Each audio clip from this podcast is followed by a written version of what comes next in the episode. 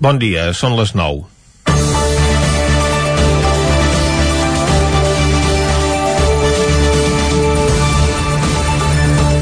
Aquest dissabte va morir als 90 anys Josep Lluís Vilaseca, que durant 25 anys va regir els destins de l'esport català. Primer com a director general, així que es va aconseguir els traspassos, i després com a secretari general. Sense tenir rang de conseller, va ser una de les figures més conegudes del mandat de Jordi Pujol, que és qui va crear la secretaria general. Vilaseca és qui millor va saber traslladar el model de govern del pujolisme a l'àmbit esportiu i per això havia tingut tractes amb tothom i a tot arreu sense distinció. De la mateixa manera que considerava que l'esport català havia de donar-se a conèixer al món, alhora feia com el president i també trepitjava país. Tant se'l podia veure a la llotja d'un gran esdeveniment internacional com inaugurant una pista poliesportiva a Perafita perquè gran part del model d'equipaments esportius que hi ha a Catalunya es va dissenyar sota el seu mandat. De la mateixa manera que al Vallès li deu dos grans equipaments, el Centre d'Alt Rendiment Esportiu de Sant Cugat, partint de la premissa que s'obligava als residents a estudiar, a part de practicar esport, i el Circuit de Catalunya, el gran equipament de país creat per l'administració. També va ser figura clau en el consens polític dels Jocs Olímpics a Barcelona. El 2007, el 9-9 va rebre un dels Premis de Periodisme Esportiu de Catalunya pel tractament del cas Eric Wilson, el jugador ganès que va ser agredit al camp del Sant Pau Manresa després que la seva sortida a la segona part permetés al Roda marcar dos gols amb els que va empatar el partit. En el còctel posterior a l'acte de lliurament, Vilaseca em va venir a trobar esperberat pel que acabava d'exposar a l'auditori del Palau de la Generalitat. Ell ja feia anys que havia deixat el govern perquè els premis, ja desapareguts, els va instituir el tripartit i els van lliurar el vicepresident Carot Rovira i la secretària general de l'Esport, Anna Pruna. Vilaseca, però, no va faltar a la cita i no entenia com al nostre país encara es podien donar casos de racisme en el món de l'esport d'aquesta magnitud. Em demanava per què la resta de mitjans no s'havien fet ressò d'uns fets d'aquesta gravetat li vaig dir que l'únic que li podia respondre és que nosaltres ens havíem limitat a complir amb el nostre deure. Eren temps en què els casos de racisme i de violència al món de l'esport s'intentaven menys tenir des dels ens federatius que ara no poden fer els ulls clucs davant de l'impacte de les xarxes socials. A Vilaseca no li va estranyar el que explicava perquè ja em va dir que sabia de quin peu calçaven al camp del Sant Pau Manresa. Segur que era així perquè en tants anys es coneixia els camps de regional més bé que els presidents que ha tingut la federació i li eren tan familiars com els propis despatxos de la UEFA. I és que si una cosa ha diferenciat Vilaseca dels seus successors és que, tot i deixar el càrrec, va continuar exercint d'ambaixador de l'esport català fins a l'últim moment. Comencem Territori 17 a la sintonia del 9 FM, Ràdio Cardedeu, La Veu de Sant Joan, Ona Codinenca i el 9 TV. Territori 17, amb Vicenç Vigues i Jordi Sunyer.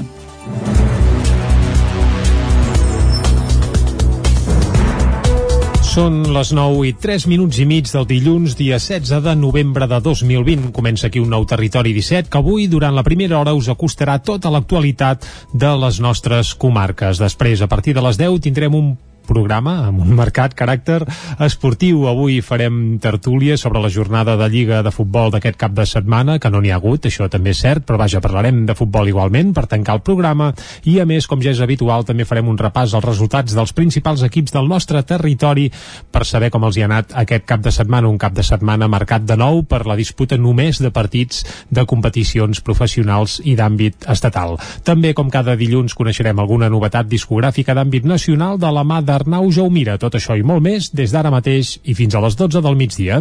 I com sempre el que fem és arrencar tot posant-nos al dia i fer un repàs a l'actualitat de les nostres comarques, les comarques del Ripollès, Osona, el Moianès i el Vallès Oriental.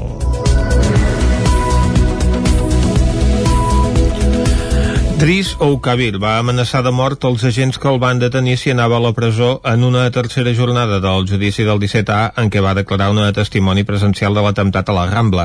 Isaac Muntades, des de la veu de Sant Joan. La tercera jornada del judici pels atemptats terroristes del 17 d'agost de l'any 2017 a Barcelona i Cambrils va tenir com a protagonista Adris Ukabir, concretament del moment de la seva detenció. Els agents que el van detenir van explicar que el van trobar a només 200 metres de la comissaria al passeig de la Farga Catalana de Ripoll. Els dos agents que van detenir-lo van relatar que l'acusat estava força nerviós i tot i no arribar a fugir corrents es va sorprendre quan els va veure i va donar tres passes enrere mentre cridava que no havia fet res. Com que li van dir que estirés a terra, no ho va fer. Van haver de reduir-lo per emmanillar-lo i llavors li va caure el telèfon que duia. Un telèfon que per desbloquejar-lo s'havia d'introduir una contrasenya amb un component religiós, Alà és gran i que va donar voluntàriament. Un dels agents que va declarar ja coneixia Ukabir perquè l'havia detingut unes 3 setmanes abans per un altre assumpte. Un altre mosso d'esquadra que el va custodiar durant 12 hores, de les 6 del matí a les 6 de la tarda, va dir que Ukabir, visiblement nerviós i alterat, els va amenaçar en reiterades ocasions. Dijo, como, como me vuelvan a meter en la cárcel por una cosa que yo no he hecho, juro que voy a matar a los agentes que me han detenido, especificando al rubio de ojos sí. azules, al calvo de gafas, a ellos y a sus hijos, en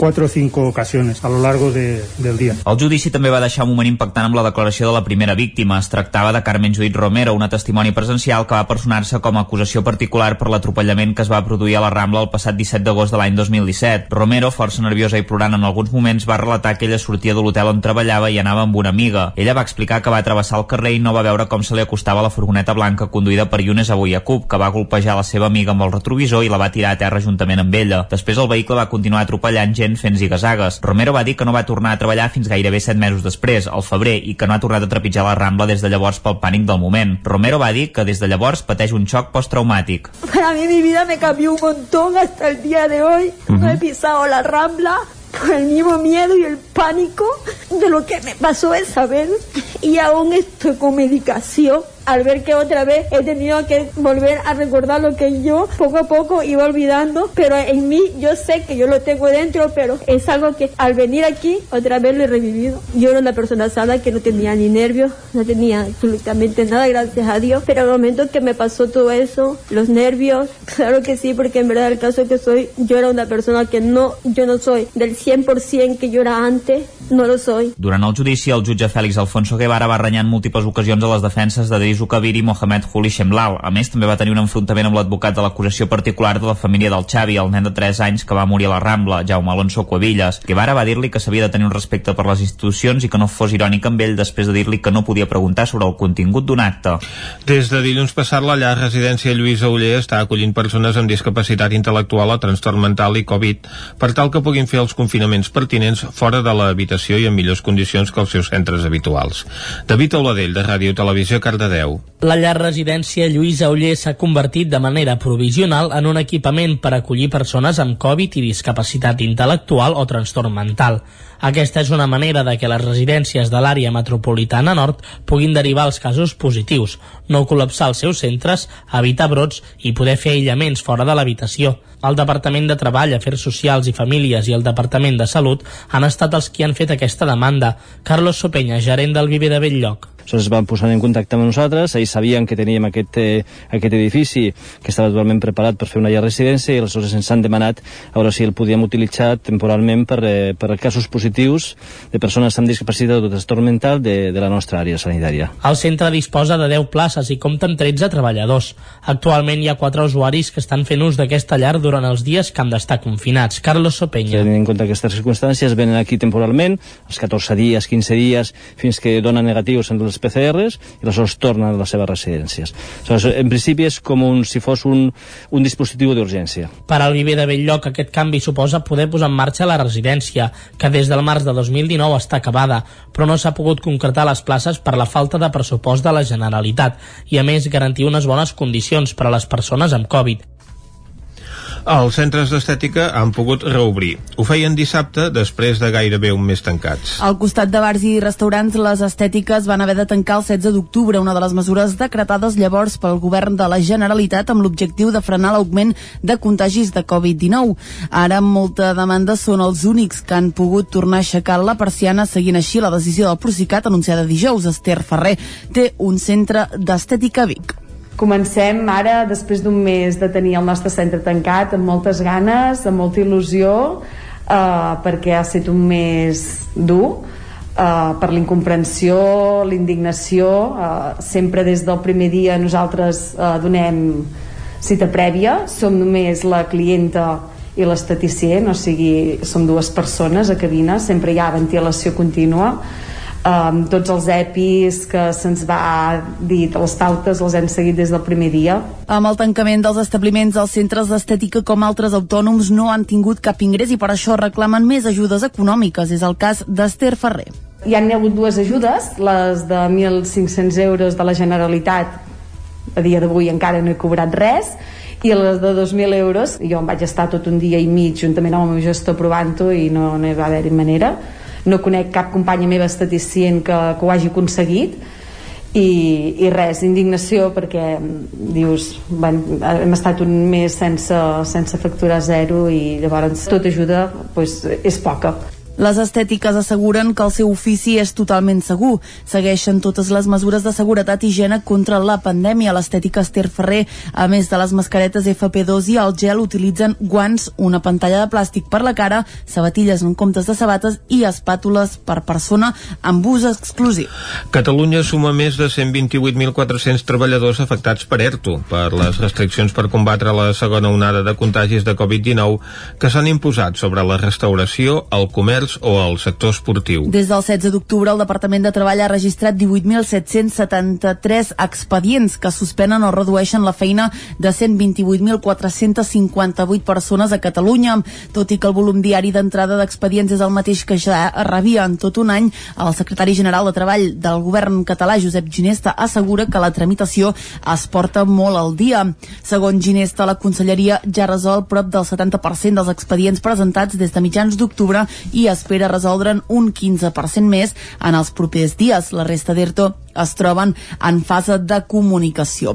En total, el departament calcula que hi ha 315.000 persones afectades per la crisi sanitària, és a dir, que han perdut la feina o estan inclosos en un expedient temporal crida a Caldes de Montbui a Vigues i Riells per eliminar el Bernat Barró marbrejat, Caral Campàs, des d'una codinenca.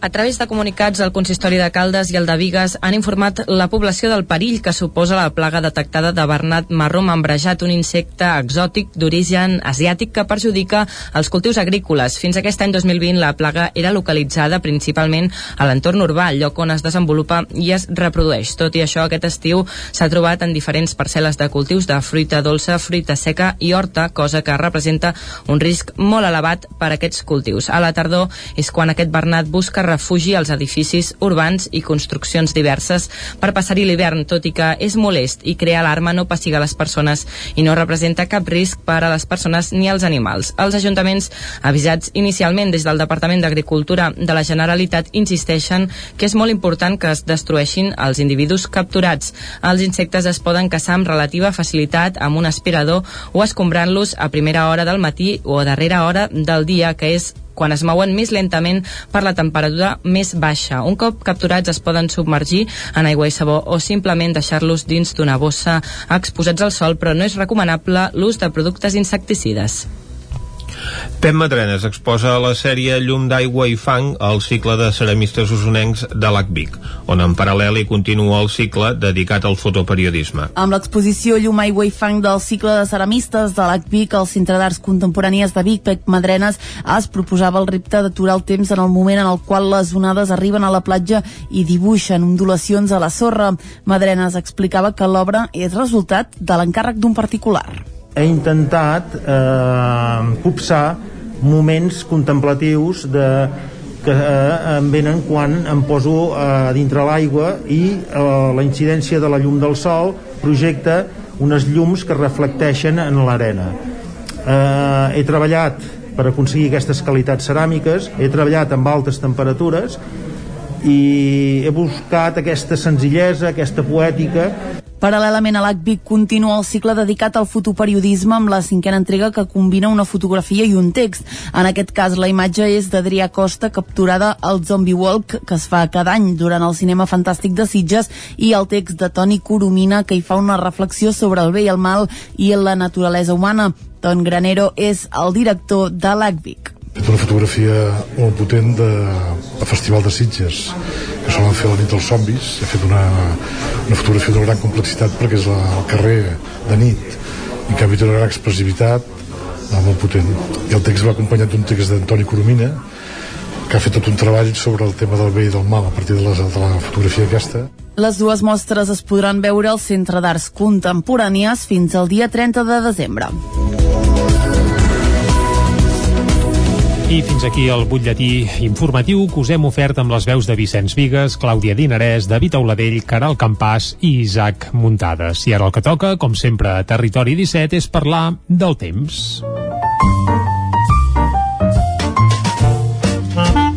Casa Terradellos us ofereix el temps. I per saber el temps que ha fet i sobretot el que ens espera per a les properes hores, el que farem és saludar el Pep Acosta, que ens ho explica de seguida. Pep, bon dia. Hola, molt bon dia. Bona hora.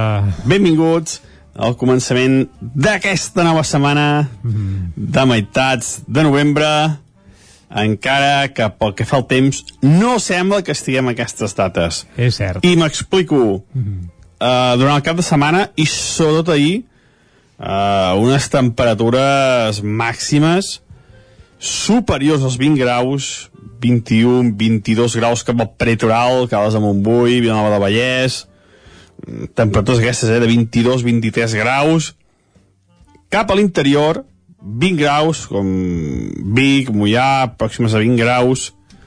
I al Pirineu entre els 18 també 17, 18, 19 graus unes temperatures que serien pròpies gairebé, gairebé de, la segona quinzena de setembre. Sí, sí. Bueno, gairebé no, eh, pròpies de la segona quinzena de setembre. I les mínimes també eh, molt més altes del normal, eh, mínimes superiors als 10 graus cap al peritoral, a l'interior entre els 5 i els 10 i algun lloc fins i tot superiors als 10 graus, eh, molt malament, molt malament, unes temperatures eh, realment desorbitades, 4-5 graus més altes del que seria normal, de moment un mes de novembre molt, molt càlid, i, bueno, mm, no sé, no m'agrada, no m'agrada, perquè m'agrada el temps eh, que toca, i, i ara no toca aquestes temperatures, i també toca una mica més d'inestabilitat, eh, molt malament, molt malament. De moment aquest mes de novembre s'està comportant eh, molt, molt malament. Uh, val a dir que avui um, tenim més núvols, hi ha més núvols, també això ha fet que les temperatures siguessin una mica més altes, a l'haver-hi aquest, uh, com aquest matalàs de, de nubositat, fa que la temperatura no baixi tant. Sempre ho dic, que amb núvols la temperatura no, no és tan freda. I, uh, i això, aquest matí hi haurà núvols a bastantes poblacions, i de cara a la tarda vespre ens passa un petit front. És l'única novetat que tenim dintre d'un panorama meteorològic molt monòton, mm, sense gaires complicacions, ja fa més una setmana que dura, mm, bueno, és que no, no hi ha gaires al·licients pel que fa a la meteorologia, a la meteorologia, perdó, i eh, això ho dic això, aquesta tarda que ens passa aquest petit front, provocarà una pluja, mm, mullarà una mica, traurà la pols, allò que dèiem que tra- traurà la pols, però bueno, Ja està en bé, general, molt poca cosa, les, precipitacions, les precipitacions entre el 0 i els 5 litres, i el que farà eh, aquest front és cobrirà les portes a, a un vent de nord, que serà una mica més fred, i per fi baixaran les temperatures. Uh, avui les màximes també, l'haver-hi nuvolositat i l'entrar aquesta mica de vent de nord, farà que no passin dels 17-18 graus. No arribarem a les temperatures escandaloses de 22-23 graus que vam arribar ahir. Mm, Per fi es van, això, baixant una mica. I ho notarem sobretot a la pròxima nit. Si avui aquesta nit ha sigut molt càlida per ser mes de novembre, sí que a la pròxima nit ja ho notarem bastant i, i baixaran les temperatures d'una manera més notable. Uh, però aquest front durarà poc, ens passarà de pressa i per tant no això, eh, no, no, no es preveuen gaires, gaires canvis però bueno, almenys la, la setmana no serà ni de bon tros tan càlida com l'anterior. Mm, predominant aquests vents de nord nord, nord-est que són, no són humits però sí que són una mica més freds dels que teníem fins ara. I això és tot, a disfrutar del dia d'avui. Eh, recordeu, núvols 4 gotes a la tarda i una mica més de fred a partir del vespre. Ja anirem informant què passarà tota la setmana. Moltes gràcies, adeu. Doncs vinga, Pep, estarem al cas i pendents d'aquestes quatre gotes que puguin caure a la tarda. De moment, sense gotes, sense pluja, ens n'anem cap al quiosc. Casa Tarradellas us ha ofert aquest espai. Territori 17 Doncs anem cap al quiosc. Com us hem dit, és hora de fer un repàs al que treuen en portada els diaris d'avui. Clàudia, comencem amb el 9-9. Comencem amb el 9-9 que parla d'una setmana clau. Diu el govern podria avançar en la desescalada si els indicadors positius es traslladen en els propers dies als centres sanitaris encara plens. L'Hospital de Vic, amb la unitat de cures intensives al límit, ha pogut traslladar pacients crítics a altres centres aquest mateix cap de setmana. A la imatge hi veiem el bus bici de Vic, diu pedalant cap a l'escola una cinquantena d'alumnes del petit Miquel de Vic van cada divendres a l'escola amb bicicleta. També hi ha una entrevista a Monell, diu el conjunt de la societat de Ripoll ha patit els efectes dels atemptats de 2017. L'alcalde de Ripoll doncs, comenta aquesta primera setmana de judici. Uh, una notícia més de l'edició d'Osona i el Ripollès jutgen a una banda que va robar cotxes a GURB per cometre robatoris. També hi veiem a Raquel Santanera de Manlleu, Premi Miquel Martí i Pol de Poesia. A l'edició del Vallès Oriental diu la construcció d'obra nova al Vallès es frena després de 5 anys de creixement. De gener a setembre s'han començat a fer 104 habitatges menys que l'any 2019. Més coses, mora de 70 anys, l'empresari i exgerent de Gran Centre, Xavier Kerr, Marel i pacta un pla amb inversions de 700.000 euros a Llinars i la Biblioteca de Canovelles torna a obrir després de 10 mesos d'obres.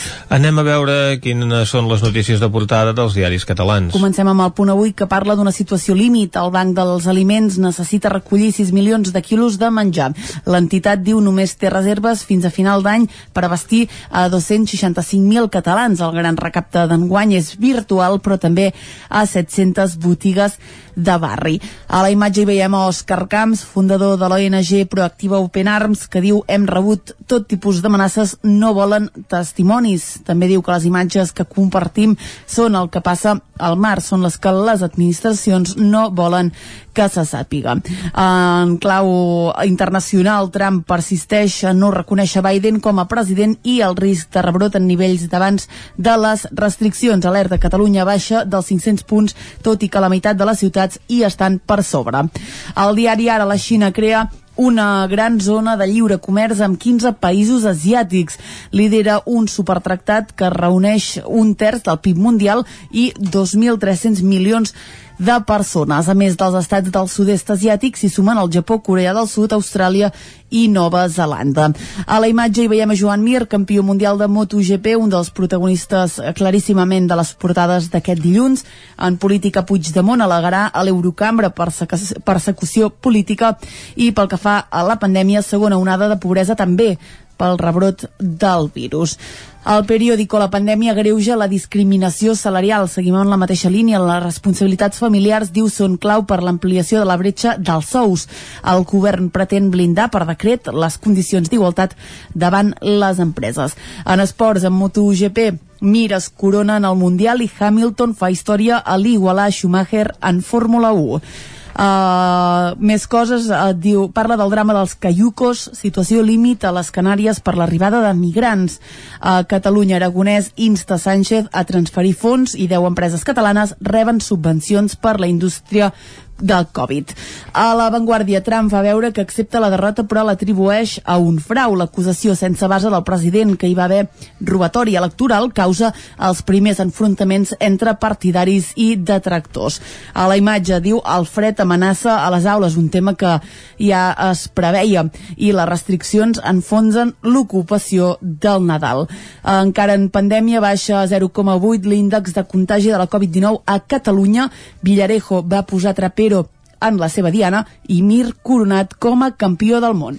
Anem a Madrid i a veure què treuen els seus diaris en portada. Comencem pel país que diu la Unió Europea examinarà un a un els països per al seu respecte a l'estat de dret. A la imatge, el president de Perú forçat a dimitir després de només 5 dies. Les protestes al carrer i l'ultimàtum del Congrés acaben amb el mandat interí de Manuel Merino després la destitució de Vizcarra. I Xina firma amb altres 14 països d'Àsia i Oceania el major pacte comercial global. Anem al Mundo que diu el rei emèrit nega la fortuna Jersey i els moviments de diners. A la imatge hi tornarà a veure el president de Perú que diu dimiteix per la pressió al carrer. En esports veiem a Joan Mir, quart campió, diu espanyol de MotoGP i alerta perquè avui el Mundo entrevista a Luis Garicano, eurodiputat de Ciutadans que diu si Sánchez governa amb els populistes eh, farà mal a la imatge d'Espanya. Són unes declaracions que veiem al Mundo. Anem a la Razón que diu Justícia veu aplanat un pacte per renovar el Consell General del Poder Judicial. El govern diu aproparà tots els presos d'ETA per després excarcelar-los. Puigdemont diu farà campanya tot i no ser candidat. Dos punts, diu, prepara un altre acte a Perpinyà. A la imatge que veiem és de Rocío Monasterio, ella és la presidenta de Vox a la Comunitat de Madrid, que parla del Partit Popular de Casado, que diu no pot ser col·laboracionista amb la Moncloa. Avui a la Razón segueixen amb aquesta trama del BBVA, diu els correus del BBVA, el comissari de Barajas, dos punts, portarà els 500 euros.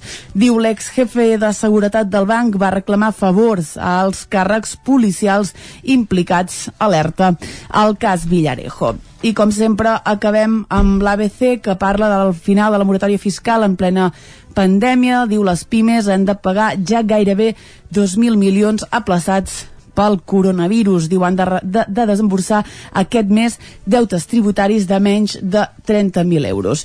I finalment acabem parlant de la pandèmia perquè diu que Espanya disposa de material anticovid per cobrir de 2 a 8 mesos. Alerta, perquè a la lletra petita hi veiem que Madrid és la que més reserves doncs, té de material, tot i que hi han altres comunitats autònoms, autònomes que, eh, segons l'ABC, només arribarien a Nadal. A la imatge, doncs, hi veiem un magatzem amb un operari, eh, concretament la Fira de València, amb tot de material eh, sanitari, entenem. Aquí és on volien arribar, no? Que Madrid és qui té, doncs, més reserves de material eh, sanitari, tot i el seu baix número de casos positius pel que, per les xifres que està revelant la Comunitat de Madrid. Tanquem aquesta visita al quiosc on avui hem vist titulars i fotografies molt diverses a les portades de la premsa. El nou FM, la ràdio de casa, al 92.8. Les bones decisions tenen premi. I és que si té una caldera Vaillant, està d'enhorabona. Vaillant li ofereix fins a 15 anys de cobertura total, amb la revisió obligatòria inclosa. Informis a Oficiat Nord trucant al 93 886 0040. Amb el servei tècnic oficial de Vaillant, la seva caldera estarà en les millors mans. Vols trencar amb l'oligopoli de l'IBEX 35? Apunta't al consum estratègic i comença a consumir serveis catalans. Per això et convidem a omplir el dipòsit a Petrolis Independents. A Osona ens trobaràs al polígon Mas Galí de Vic i a Centelles just després de la sortida sud. Si vols factura, entra a la nostra pàgina web petrolisindependents.cat i dona't d'alta. Comença a ser independent. Tenim la força de l'amor. Cobertes serveis funeraris. Els nostres tanatoris estan ubicats en els nuclis urbans més poblats de la comarca d'Osona per oferir un millor servei. Tanatori de Vic, Tanatori de Manlleu, Tanatori de Centelles i Tanatori de Roda de Ter. Sabem que són moments difícils i per això el nostre compromís és atendre-us en tot moment amb un tracte humà, sensible i respectuós. Cobertes serveis funeraris. Telèfon 24 hores 93 883 23 46. Cocodril Club. Si t'agrada la bona música dels anys 60, 70 i 80, escolta el 9 FM els matins de dissabtes i diumenges d'11 a 1.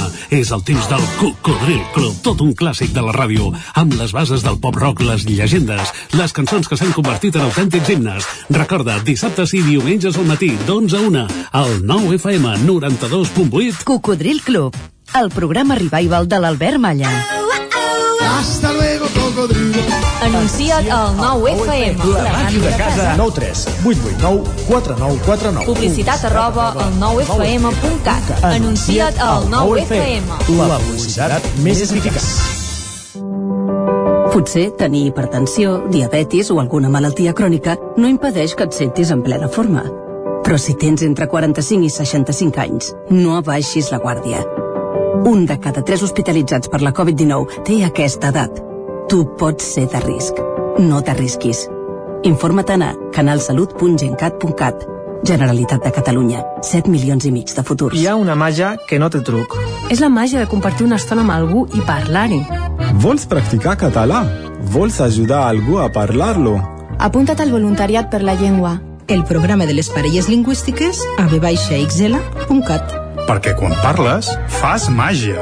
Generalitat de Catalunya. 100 milions i mig de futurs. El nou FM, el nou FM, el nou FM, el nou FM, el nou FM. Territori 17, amb Vicenç Vigues i Jordi Sunyer.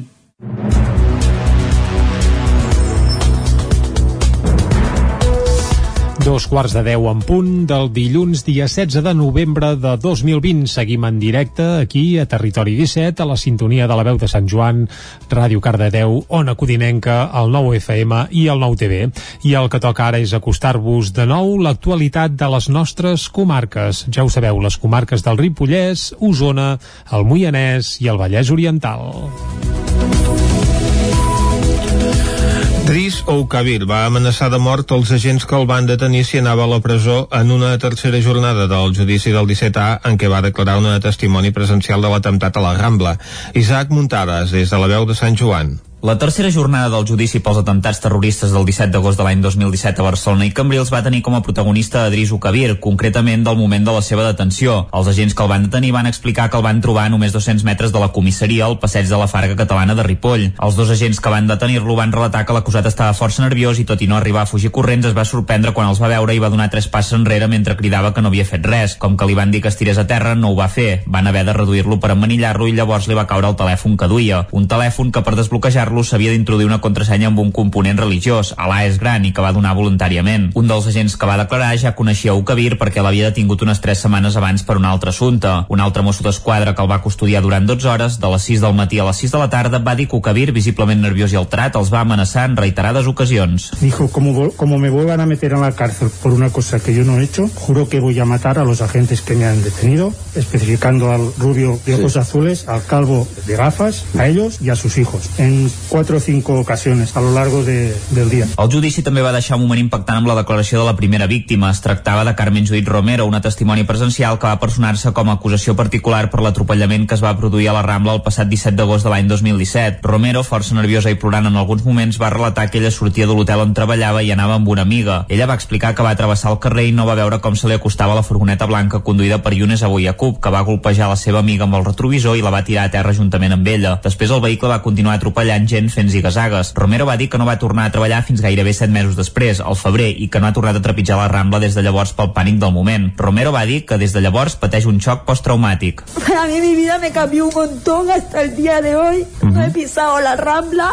con el mismo miedo y el pánico de lo que me pasó esa vez y aún estoy con medicación al ver que otra vez he tenido que volver a recordar lo que yo poco a poco iba olvidando, pero en mí yo sé que yo lo tengo dentro, pero es algo que al venir aquí otra vez lo he revivido. Yo era una persona sana que no tenía ni nervios, no tenía absolutamente nada, gracias a Dios, pero al momento que me pasó todo eso, los nervios, claro que sí, porque en verdad el caso que soy, yo era una persona que no, yo no soy del 100% que yo era antes, no lo soy. Durant el judici, el jutge Fèlix Alfonso Guevara va renyar en múltiples ocasions a les defenses de Dris Ukabir i Mohamed Huli Shemlal. A més, també va tenir un enfrontament amb l'advocat de l'acusació particular de la família del Xavi, el nen de 3 anys que va morir a la Rambla, Jaume Alonso Cuevillas. Guevara va dir-li que s'havia de tenir un respecte per les institucions i que no fos irònic amb ell després de dir-li que no podia preguntar sobre el contingut d'un acte.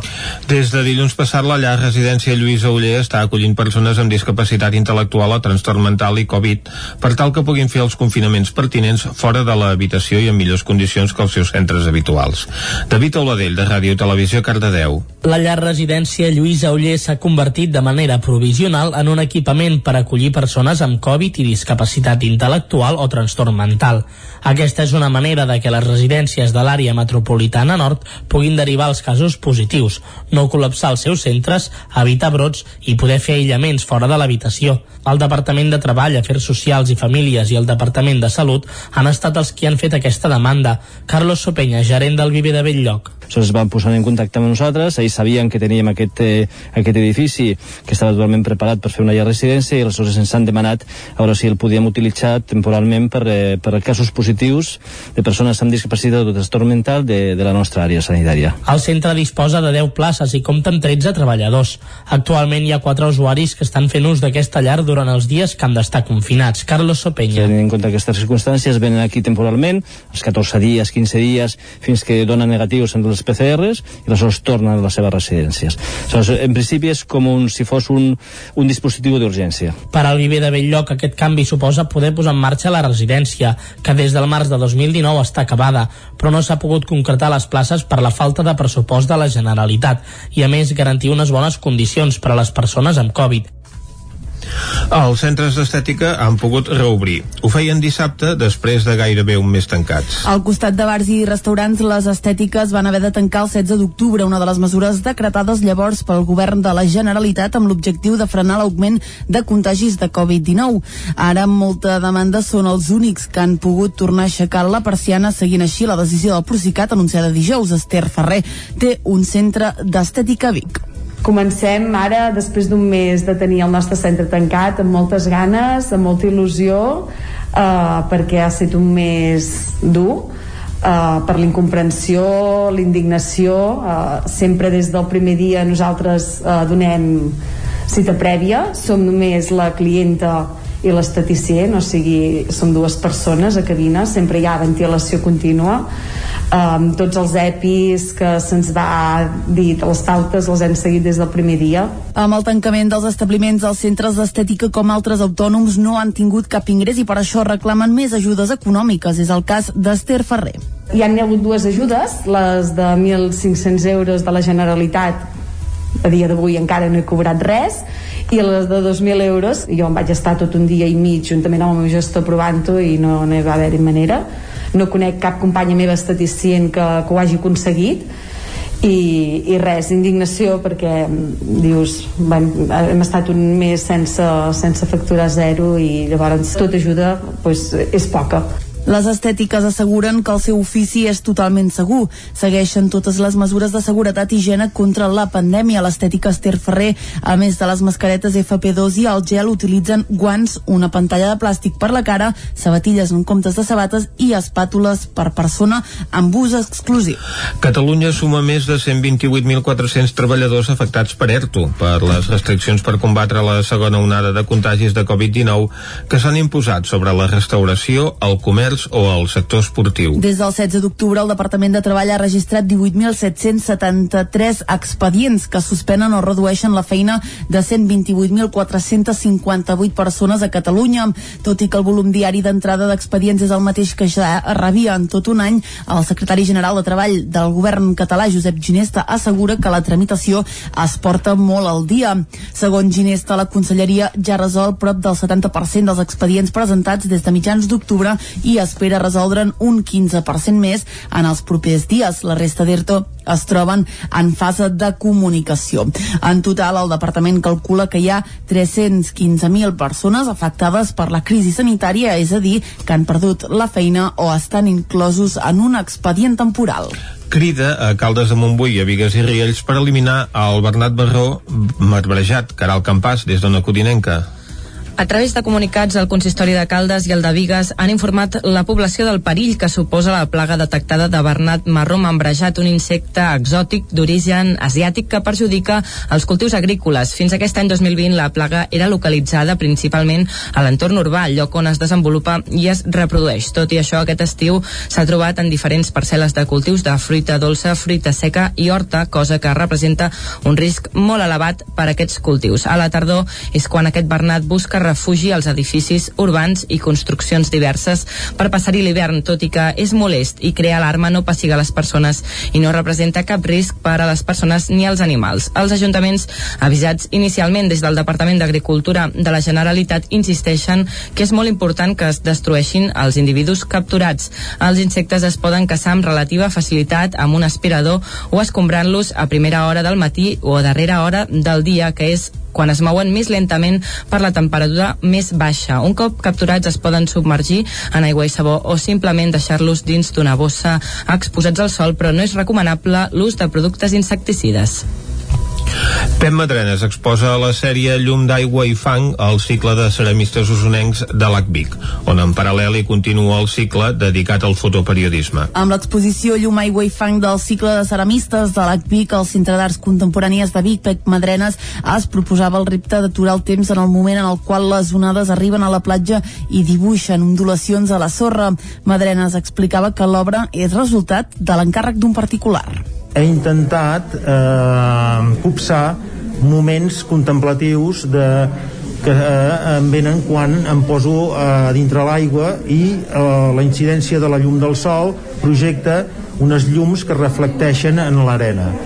Eh, he treballat per aconseguir aquestes qualitats ceràmiques, he treballat amb altes temperatures i he buscat aquesta senzillesa, aquesta poètica Paral·lelament a l'ACVIC continua el cicle dedicat al fotoperiodisme amb la cinquena entrega que combina una fotografia i un text. En aquest cas, la imatge és d'Adrià Costa capturada al Zombie Walk que es fa cada any durant el cinema fantàstic de Sitges i el text de Toni Coromina que hi fa una reflexió sobre el bé i el mal i la naturalesa humana.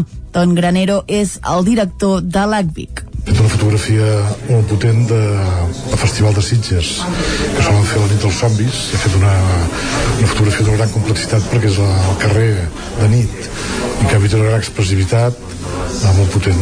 I el text va acompanyat d'un text d'Antoni Coromina que ha fet tot un treball sobre el tema del bé i del mal a partir de la, de la fotografia aquesta.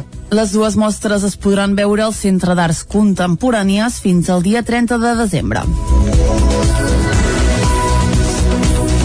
Fins aquí el butlletí informatiu que us hem ofert amb les veus de Vicenç Vigues, Clàudia Dinarès, David Auladell, Caral Campàs i Isaac Muntades. I ara el que toca, com sempre a Territori 17, és parlar del temps.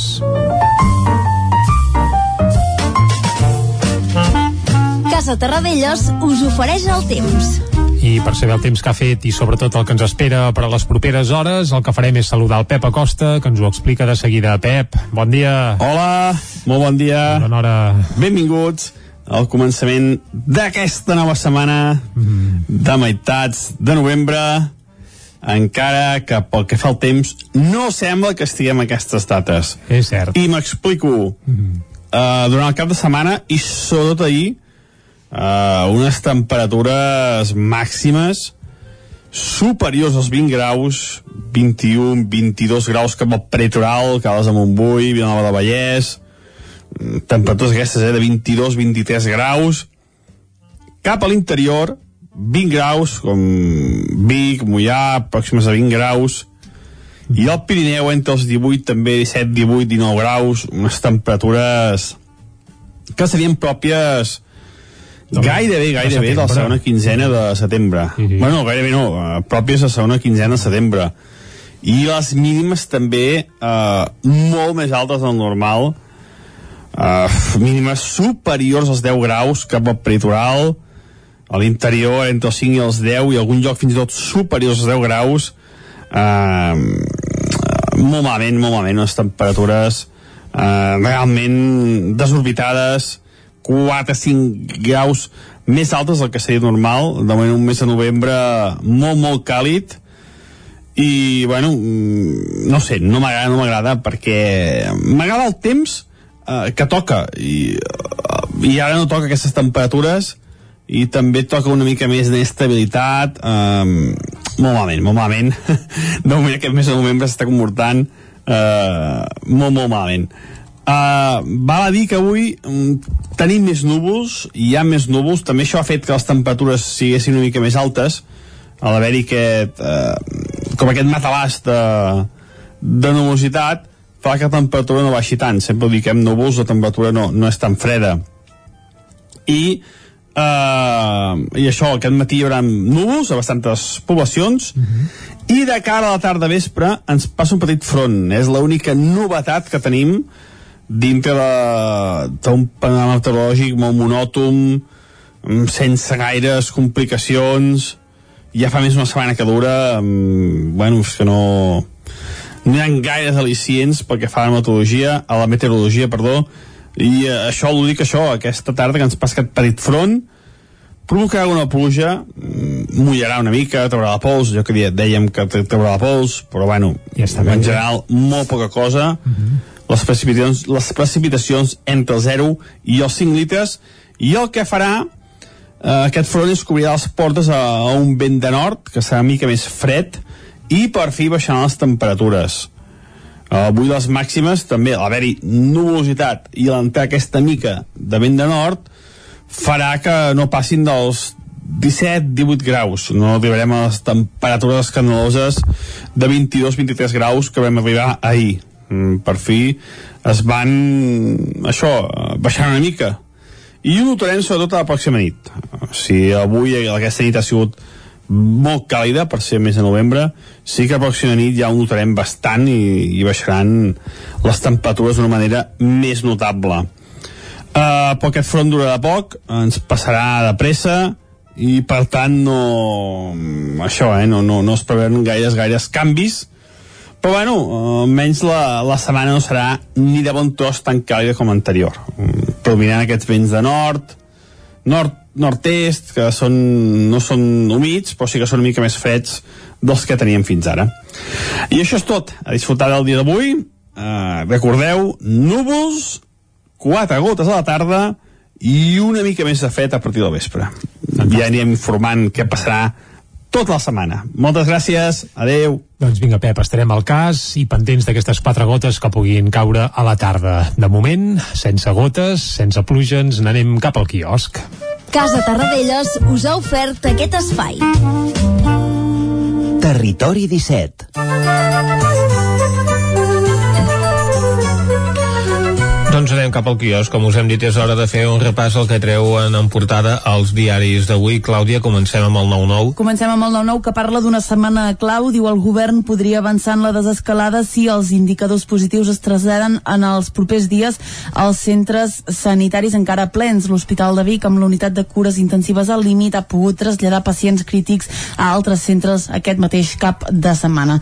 A la imatge hi veiem el bus bici de Vic, diu pedalant cap a l'escola una cinquantena d'alumnes alumnes del petit Miquel de Vic van cada divendres a l'escola amb bicicleta. També hi ha una entrevista a Monell, diu el conjunt de la societat de Ripoll ha patit els efectes dels atentats de 2017. L'alcalde de Ripoll doncs, comenta aquesta primera setmana de judici.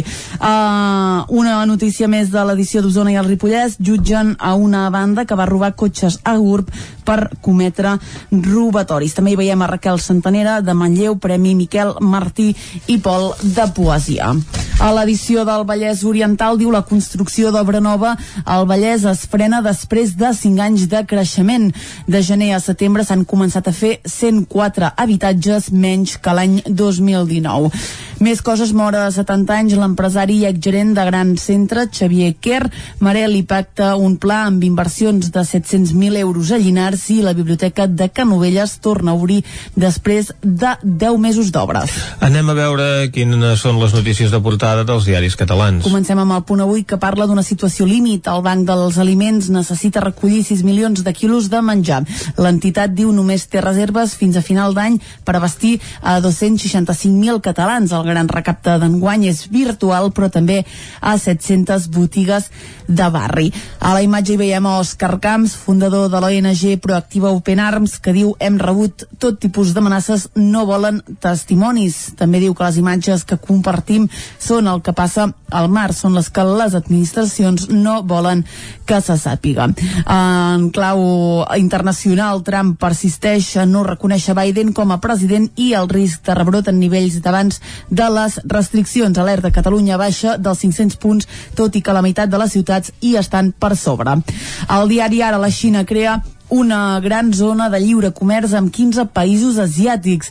Lidera un supertractat que reuneix un terç del PIB mundial i 2.300 milions de persones. A més dels estats del sud-est asiàtic s'hi sumen el Japó, Corea del Sud, Austràlia i Nova Zelanda.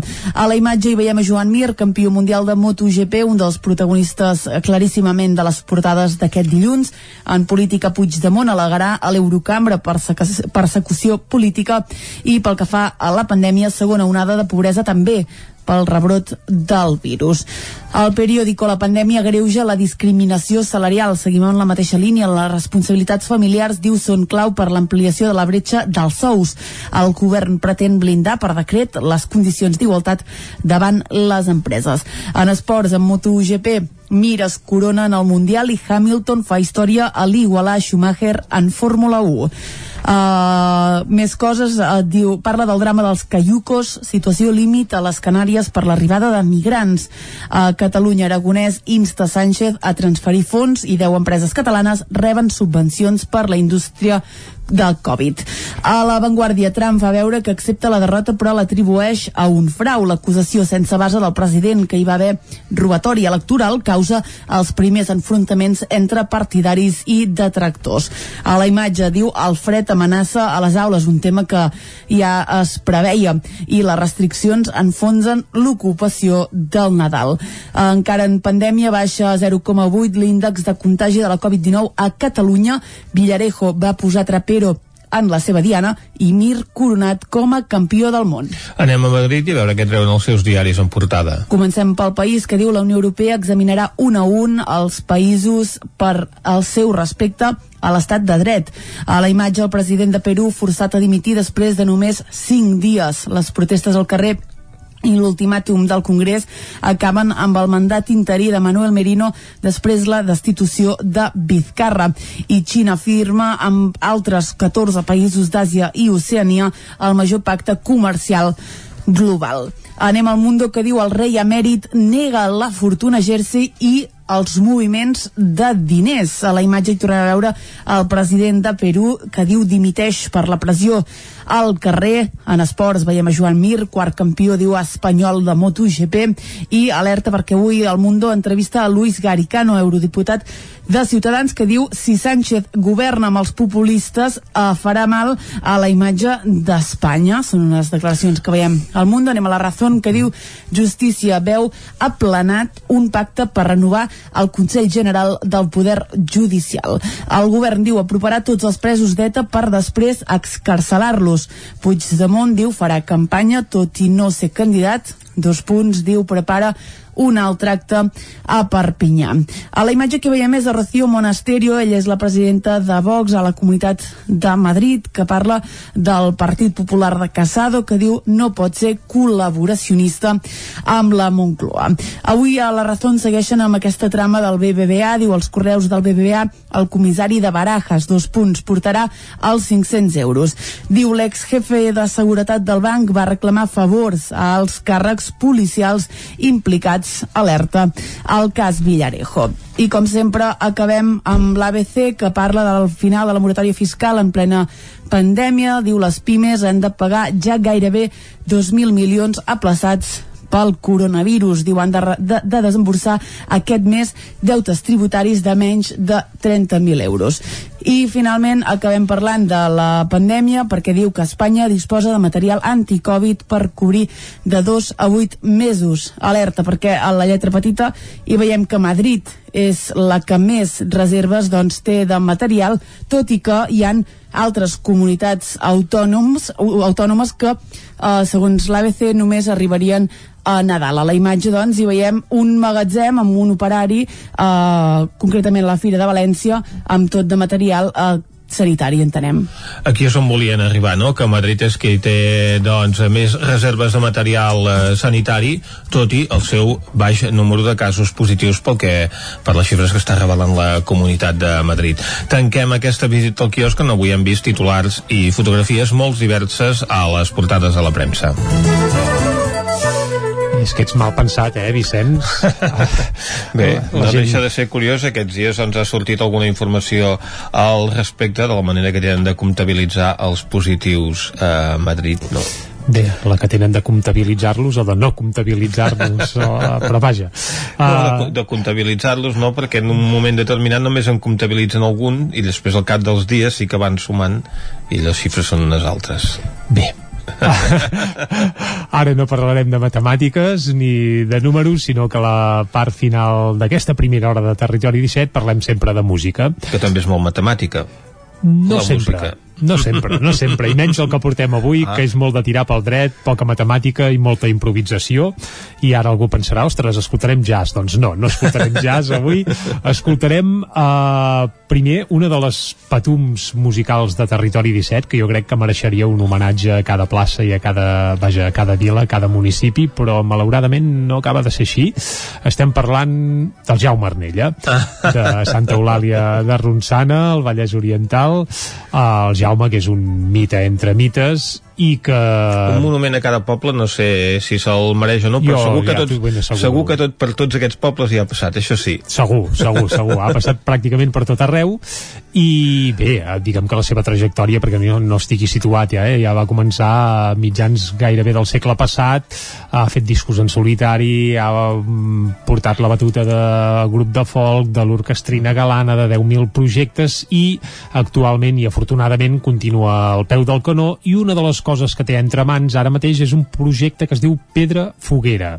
I dius, què és això de Pedra Foguera? Doncs Pedra Foguera és un projecte que germana el Jaume Arnella, que diguem que és d'una generació, amb Corrandes són Corrandes, que és un grup ballesà que seria d'una altra generació, tampoc són nanos acabats de sortir de l'ou, perquè Corrandes són Corrandes és una espècie de trio format per l'Anaïs Falcó, el violí a la veu, el Cristian Simelio, a la veu i el guitarró, i el Cristian Caldi, que sempre està improvisant i fent Corrandes són Corrandes, d'aquí el, nom, d'aquí el nom del grup, i el Jaume Casalí, que toca l'acordió diatònic. Doncs junts, els Corrandes són Corrandes i el Jaume Arnella, doncs ja fa cert temps que es dediquen a fer cançons, a repescar sobretot tonades del repertori popular, etc etc. i durant el post-confinament, és a dir, durant aquest inici de tardor, van fer una cosa, que és que es van trobar a casa el Jaume Arnella, bàsicament al seu pati, i van gravar una cançó així pel dret, amb la intenció d'editar-ne un videoclip. Uh -huh. Si vols fer un videoclip ben fet, què has de fer a Catalunya? Doncs trucar a algú que en sàpiga. Ells van trucar al Guillem Roma, Ara anava a dir. que a part de músic és un excel·lent productor de videoclips i el Guillem els hi va enregistrar aquesta peça que escoltarem avui. La peça es diu Els músics de carrer i eh, és una espècie d'adaptació, tu recordes aquella cançó tradicional del pobre músic? Jo sóc un pobre mame mimo músic de carrer, sí? Sí. Doncs no. No, ara clar, Vicenç, home, és, és una cançó mítica del repertori uh, del cançoner tradicional català que no ens posarem a cantar ara, millor que escoltem la versió que n'han fet això, el Jaume Ardella i els Corrandes són Corrandes aquesta versió es diu Els músics de carrer. Està gravada sense trampes ni cartrons pel dret, rigorós directe. I també n'existeix un fantàstic videoclip que s'ha presentat precisament aquest cap de setmana i per això avui el portem aquí a Territori 17 el Jaume Arnella i Corrandes són Corrandes amb aquest Els músics de carrer amb això arribarem fins a les 10 Som-hi. som-hi I visca el primer pens al carrer. Visca i visca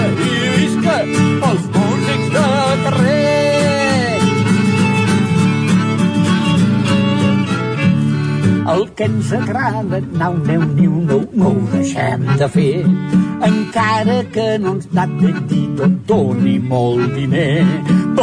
Gent temes més boix, boix, boix, vells i actuals. I no ens recolzen mal, mel, mil, molt multinacional. Apa, Cristian, una sobre la faràndula,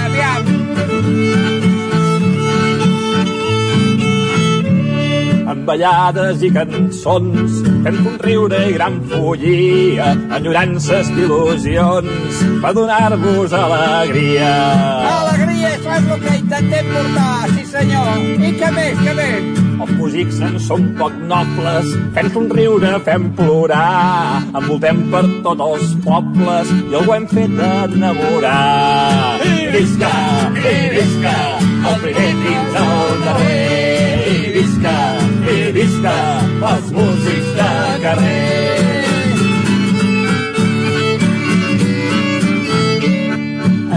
Per lliures, xatxa, xitxo, juguem i fem joc.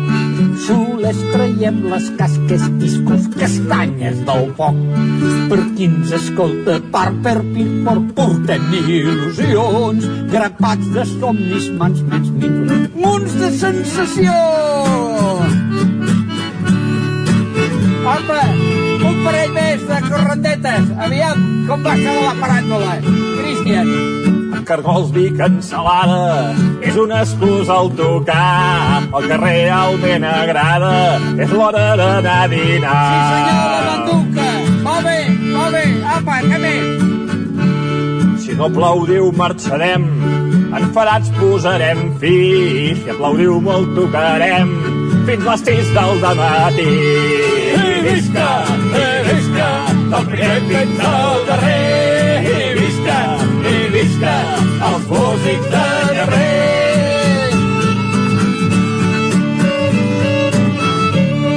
I si mai veus un mamem bimbo músic de carrer, fes una pausa i va ben viva, veuràs que et va bé. I encara que no t'atenti no tingui cap permís, pots oferir-li en en un càlid somrís.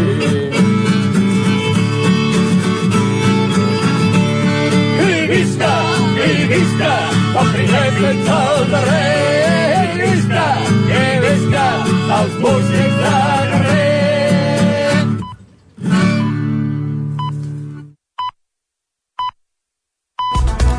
I a les 10 en punt torna la informació de les nostres comarques, les comarques del Ripollès, Osona, el Moianès i el Vallès Oriental.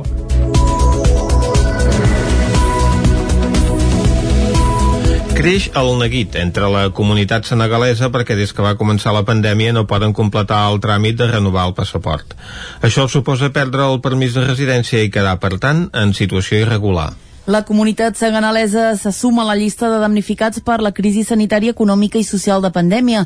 Han perdut la possibilitat de renovar el passaport per les dificultats de poder fer els tràmits, la qual cosa també els impedeix renovar el permís de residència i, per tant, deixen de disposar del document imprescindible per poder realitzar compra, eh, tràmits bàsics, perdoneu, eh, per viure com llogar un pis, firmar un contracte laboral o comprar bitllets d'avió. La situació afecta a desenes de persones que fins ara tenien tots els papers en regla, ho explica Xerif Balde, president de la Federació d'Associacions de Senegalesos d'Osona. Nosotros estamos aquí y espero que no, no llegue, pero no puede llegar, porque si no, no soluciona. Y los papeles caduca, tenemos un papeles que están limitados, unos cinco años, unos dos años y medio, unos uno año. Me preocupa la situación que tenemos, porque eso no es caso personal, es caso de todos los senegaleses. Imagínate, todos los senegaleses que están aquí en España, 60% vive aquí en Cataluña. Cada any preparaven una estada a Catalunya de funcionaris del Consolat del Senegal a l'estat espanyol que es troba a Madrid i d'aquesta manera renovaven els passaports. Aquest 2020 la pandèmia ho ha impedit i l'única opció que els donen és que siguin ells els que es desplacin, però molts no poden fer-ho per motius laborals o econòmics. En la llista d'entrebancs també hi apunten les dificultats per contactar telefònicament amb l'administració. Xerif Balde. Hay niños que nacen aquí y no tienen papeles. ¿Por qué? Sus padres no pueden viajar hasta Madrid. Madrid si lo llama, hay que pedir cita. Si lo llama, no te contesta. Y si te vas sin cita, no te hace el pasaporte. Les associacions de senegalesos de Catalunya exigiran al consulat que traslladi a Barcelona l'equip mòbil que abans s'hi desplaçava, on calculen que hi viu el 60% de la comunitat senegalesa de Catalunya. Mor un home en un incendi al carrer Indústria de Ripoll. Isaac Muntades, des de la veu de Sant Joan. Un home va morir el passat divendres a la matinada en un incendi que es va produir en un habitatge del carrer Indústria número 35 de Ripoll, segons van informar els bombers de la Generalitat. Els fets van tenir lloc pocs minuts abans de les 5 de la matinada i els Mossos d'Esquadra encara estan investigant com s'hauria desencadenat el foc. Immediatament el fum va omplir per complet l'habitatge i els serveis d'emergència van haver d'atendre una altra persona per inhalació de fum. A l'extinció de l'incendi van participar-hi 5 dotacions de bombers, els serveis d'emergències mèdiques, dues dotacions dels Mossos d'Esquadra i una de la policia local. Aquest és el segon incendi que es produeix al Ripollès encès en una casa en poc temps, ja que el 12 d'octubre es va declarar un foc en una casa del barri del Roser de Can de Bànol, que va quedar força cremada per dins i es va produir una gran fumarada per culpa de la mala combustió d'una estufa. En aquella ocasió també es va registrar un ferit, un home que va patir una sèrie de cremades, però que per sort no va ser res greu. Atrapen a Vic un home que estava en crida i cerca per saltar-se el confinament nocturn. La Guàrdia Urbana de Vic ha detingut un home que tenia un ordre de crida i cerca. Va ser després que aparessin al seu cotxe per saltar-se el toc de queda nocturn establert entre les 10 de la nit i les 6 del matí. El van aturar dimarts quan passaven 5 minuts de dos quarts d'onze de la nit al carrer mossèn Gudiol. Els agents van sospitar de la conducció. Els altres dos ocupants van ser denunciats per no respectar el confinament. Dones de diferents pobles del Moianès es constitueixen per crear un comitè feminista a la comarca. Caral Campàs, des d'Ona Codinenca. Aquesta setmana s'ha de celebrar la primera assemblea oberta per posar en marxa el Comitè Feminista del Moianès, una plataforma que aquest passat dijous es va reunir inicialment amb l'objectiu de consolidar-se al territori i unir dones i col·lectius LGTBI. Alba Morell és membre del comitè i explicava què els ha portat a organitzar-se al Moianès. Doncs ens, sobretot ens ha portat que en el, tant a nivell comarcal del Moianès eh, mai havia existit un, el que seria un, un, un comitè feminista o algo per l'estil llavors el que volíem crear o la intenció és crear una, un espai o una zona on hi, on hi càpiga tothom, no? En el, en el cas si hi ha algun tipus d'agressions o, on sentir-nos còmodes totes. De moment, el comitè està treballant per fer les primeres activitats a la comarca per la setmana del 25N, el Dia Internacional per l'Eliminació de la Violència envers les dones, on esperen fer activitats a diversos pobles. Sí, la intenció és que a tots els pobles hi hagi activitat, el que passa que ens trobem que hi ha pobles que potser són molt poca gent o només hi ha una persona de moment, esperem que se n'hi sumin més, i, i, i intentem entre totes que hi siguem a tot arreu. Però sí que hi ha activitats que es faran més a Mollà, que seria com centralitzar-les una mica els col·lectius feministes de la comarca, que fa dos anys ja es van mobilitzar conjuntament, ara s'estan organitzant per poder-se consolidar com a una organització que pugui ser més activa més enllà del 25N a nivell comarcal. Amb el Nadal i els actes que el conformen a l'horitzó, els ajuntaments ja treballen per adaptar les cavalcades de Reis a la pandèmia. A Vic, Manlleu, Torelló i Taradell ja han dissenyat unes cavalcades reformulades. De les celebracions nadalenques, les cavalcades de Reis són les més multitudinàries i els municipis que concentren grans quantitats de públic ja dissenyen rebudes alternatives. A Vic, on s'exhibeix una de les rues més lluïdes de Catalunya, només una trentena de persones de les 800 que són habituals formaran la comitiva. La cavalcada augmentarà també el recorregut dels 3 quilòmetres habituals fins a una vintena per arribar a tots els barris de la ciutat i se'n farà una retransmissió televisiva a través del nou TV. Albert Castells és el regidor de Manteniment i Serveis de l'Ajuntament de Vic. A banda d'aquesta retransmissió en directe, hem preparat un circuit de cavalcada que properament farem pública, que abarca doncs, els 14 barris de la ciutat i eh, arribem fins al poble de la Guixa. Per tant, demanaríem a totes les famílies que es quedin al barri i aquesta seria la idea eh, principal, que tothom es quedi al barri a veure els Reis, anul·lem el, la rebuda a la plaça Major, la tradicional rebuda a plaça Major pública, doncs eh, evidentment doncs, per raons de seguretat no la, no la podrem viure, però sí que es podrà veure eh, per televisió la rebuda per part de l'alcaldessa de ses majestats dels Reis a dintre l'edifici de l'Ajuntament. L'Ajuntament de Manlleu també té molt avançat el disseny i preparatius de la cavalcada. En l'edició d'enguany participaran entre 30 i 40 patges en comptes de 100 d'edicions passades i l'objectiu és recórrer tots els barris de la ciutat. Per la seva banda, Torelló planteja una rua més llarga i més campaments reials i Taradell ampliarà el recorregut, dividirà el poble en trams i hi haurà 8 punts de recollida de regals. Pep Madrenes exposa la sèrie Llum, Aigua i Fang al cicle de ceramistes usonencs de l'ACVIC, on en paral·lel hi continua el cicle dedicat al fotoperiodisme. Amb l'exposició Llum, Aigua i Fang del cicle de ceramistes de l'ACVIC al Centre d'Arts Contemporànies de Vic, Pep Madrenes es proposava el repte d'aturar el temps en el moment en el qual les onades arriben a la platja i dibuixen ondulacions a la sorra. Madrenes explicava que l'obra és resultat de l'encàrrec d'un particular he intentat eh, copsar moments contemplatius de, que eh, em venen quan em poso eh, dintre l'aigua i eh, la incidència de la llum del sol projecta unes llums que reflecteixen en l'arena. Eh, he treballat per aconseguir aquestes qualitats ceràmiques he treballat amb altes temperatures i he buscat aquesta senzillesa, aquesta poètica Paral·lelament a l'ACVIC continua el cicle dedicat al fotoperiodisme amb la cinquena entrega que combina un, una fotografia i un text. En aquest cas, la imatge és d'Adrià Costa, capturada al Zombie Walk que es fa cada any durant el cinema fantàstic de Sitges i el text de Toni Coromina que hi fa una reflexió sobre el bé i el mal i la naturalesa humana. Ton Granero és el director de l'ACVIC fet una fotografia molt potent de, de Festival de Sitges que solen fer la nit dels zombis he fet una, una fotografia d'una gran complexitat perquè és la, el carrer de nit i en canvi té una gran expressivitat eh, molt potent i el text va acompanyat d'un text d'Antoni Coromina que ha fet tot un treball sobre el tema del bé i del mal a partir de la, de la fotografia aquesta. Les dues mostres es podran veure al Centre d'Arts Contemporànies fins al dia 30 de desembre.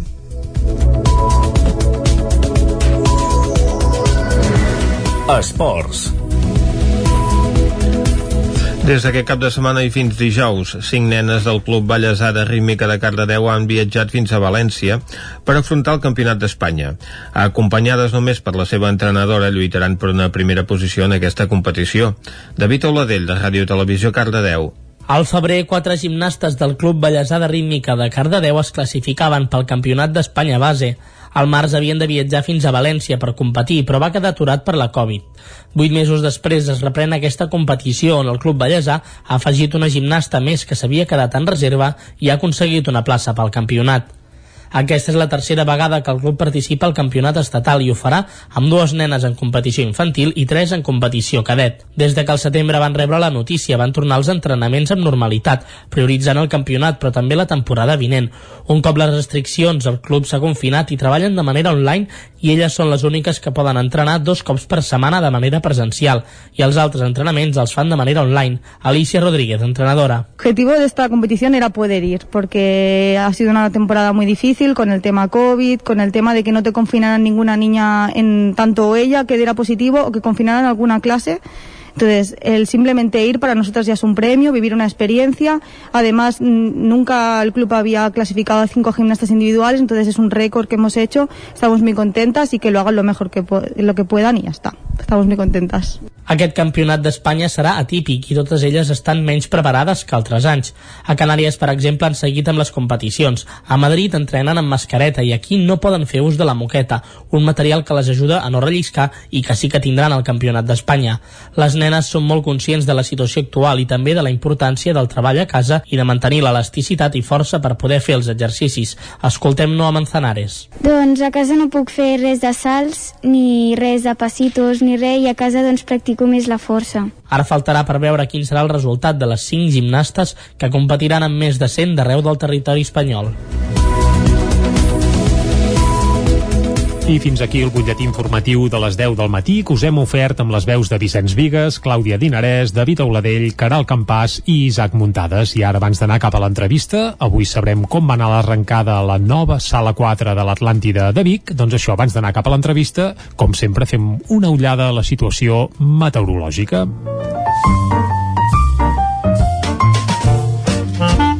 Casa Terradellos us ofereix el temps. I quan parlem de situació meteorològica i del temps a Territori 17, parlem amb el Pep Acosta, qui ja saludem de nou ara mateix. Pep, molt bon dia. Hola, molt bon dia. Bon dia, bon dia. Val a dir que avui mm, tenim més núvols mm -hmm. i de cara a la tarda vespre ens passa un petit front. És l'única novetat que tenim Bé. dintre d'un panorama meteorològic molt monòton, mm, sense gaires complicacions ja fa més una setmana que dura bueno, és que no no hi ha gaires al·licients perquè fa la meteorologia, a la meteorologia, perdó, i eh, això ho dic això, aquesta tarda que ens passa aquest petit front el més això que res provocarà una pluja, mm -hmm. mullarà una mica traurà la pols, jo que dèiem que traurà la pols, però bueno en general molt poca cosa les precipitacions, les precipitacions entre el 0 i els 5 litres i el que farà Uh -huh. uh, aquest front es cobrirà les portes a, a un vent de nord que serà una mica més fred i per fi baixaran les temperatures. Uh, avui les màximes també l'haver-hi nuvolositat i l'entrar aquesta mica de vent de nord farà que no passin dels 17-18 graus. No arribarem a les temperatures escandaloses de 22-23 graus que vam arribar ahir. Mm, per fi es van això, Posant baixant una mica i ho notarem sobretot a la pròxima nit. O sigui, avui aquesta nit ha sigut molt càlida per ser mes de novembre sí que a pròxima nit ja ho notarem bastant i, i baixaran les temperatures d'una manera més notable. Uh, però aquest front durarà poc ens passarà de pressa i per tant no això eh, no, no, no es preveuen gaires gaires canvis però bueno, eh, almenys la, la setmana no serà ni de bon tros tan càlida com l'anterior. Mm, Predominant aquests vents de nord, nord, nord-est, que són, no són humits, però sí que són una mica més freds dels que teníem fins ara. I això és tot. A disfrutar del dia d'avui. Ho farem. Eh, recordeu, núvols, quatre gotes a la tarda i una mica més de fred a partir del vespre. Ja anirem informant què passarà tota la setmana. Moltes gràcies, adeu. Doncs vinga, moltes de res, Pep. Vicenç, ja ho veus, eh? Aquesta tarda pot ser que caiguin quatre gotes i sembla que a partir de demà torna el fred. No un Eh. fred exagerat, eh? El fred que en, to que en teoria deu tocar per un mes de novembre, suposem. Ah, exacte, el fred que tocaria perquè de moment aquest mes de novembre s'està comportant força càlid. De moment sí. Uh, on no fa fred és a l'Atlàntida de Vic i menys si te la mires des de casa, oi? Bé, això depèn de la casa de cadascú, però a l'Atlàntida ara mateix no podem dir quin és el clima que hi fa, perquè com que no hi podem anar, els que no hi treballem, però com que parlarem amb un que hi treballa ens ho podrà dir. Va, doncs per això, per això anàvem. Va, un parèntesi i ens n'anem cap a l'Atlàntida de Vic. Vinga, anem-hi. Casa Tarradellas us ha ofert aquest espai. Territori 17. Envia'ns les teves notes de veu per WhatsApp al 646 079 023. 646 079 023. WhatsApp Territori 17.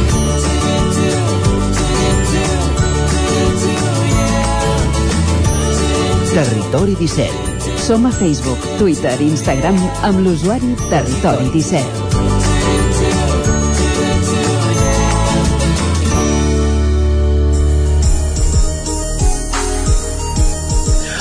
Ara mateix és un quart d'onze. Eh, aquesta setmana l'Atlàntida ha posat en servei la seva sala 4. No es tracta d'un nou espai del Teatre Auditori de Vic, sinó d'un equipament virtual, que a partir d'ara servirà per programar de forma telemàtica. No estem parlant de projectes ja enregistrats al seu catàleg, sinó de noves propostes pensades per aquest format. Ara mateix ja n'hi ha programades diferents per les properes setmanes i avui qui ens acompanya per parlar-ne és el cap de programació de l'Atlàntida, Ramon Ferrer. Bon dia, Ramon. Bon dia, què tal? Com ha anat aquest primer cap de setmana de la Sala 4? Doncs molt bé, la veritat. La veritat és que ha anat molt bé, estem per, per sobre, diguem, del que, les expectatives que teníem a nivell de visualitzacions i de, i de que la gent en parla i que, i que per tant, entenem que és una eina que tindrà el seu, el seu, el seu lloc dintre, dintre el ventall de propostes d'espectacles, de propostes culturals. Per tant, eh, tindrà un recorregut eh, que anirà més enllà de la pandèmia, aquesta Sala 4. Sí, sí, perquè de fet, val a dir que nosaltres, d'alguna manera, ja abans de, que existís tot això de la pandèmia, ja estàvem donant voltes al fet de, de, de, de, de poder treballar en formats que no fossin sempre presencials, sinó que també, uh -huh. que també tinguéssim altres marges, i d'alguna manera la idea de la sala quarta ja era una cosa que ens estàvem plantejant més a llarg termini, però ja ens estàvem plantejant. El que ha fet la pandèmia és, evidentment, accelerar tots aquests processos i, i això, i ara, i ara probablement és més necessària que mai, sempre i quan remarquem, i sempre ho, ho anem dient, perquè és que realment ho creiem sincerament, que això no és cap, no és cap eh, succedani de la realitat. No, mai, mai la sala quarta substituirà un, un escenari, un, un espectacle presencial, perquè la, la màgia d'un espectacle presencial és insubs- insubstituïble. No? Però sí que entenem que és un nou, un nou marc per noves idees, noves, noves tendències, noves produccions i, i un nou format artístic. Parlant és eh, per tant, és una proposta que no només permet tenir accés a la cultura des de casa, sinó que també es planteja eh, això que sigui un camp d'experimentació de noves propostes. Sí, perquè, esclar, a la el que et planteges una sala així, eh, doncs, esclar, has de tenir en compte moltes coses. Primera, que, que, que un dels, altres dels teus competidors passen a ser eh, grans cadenes de televisió, eh, grans, eh, grans equipaments del món que, que també fan les seves produccions online, eh, etc etc. no? Esclar, per tant, mhm. eh, si tu eh, vols, vols, tenir, vols ocupar un espai dintre del, dintre del, d'aquest món, d'aquest món digital, has de buscar la vida per oferir productes que només pràcticament els pots oferir tu o que, o que, que la gent mhm. tingui clar que, que la marca de la, de la sala quarta és una marca que, que, que on hi trobarà al·licients nous, no? Que, no, que no trobarà en altres llocs. Estem escoltant de fons a Guillem Roma. Guillem Roma va ser eh, l'artista que va inaugurar aquesta sala 4. No sé si d'una manera que, que no estava eh, prevista específicament perquè fos així, però eh, es va aprofitar les circumstàncies, no? Sí, la veritat és que eh, el Guillem és un tio fantàstic i, i, i justament, o sigui, quan vam el tema de la, quan- de la sala quarta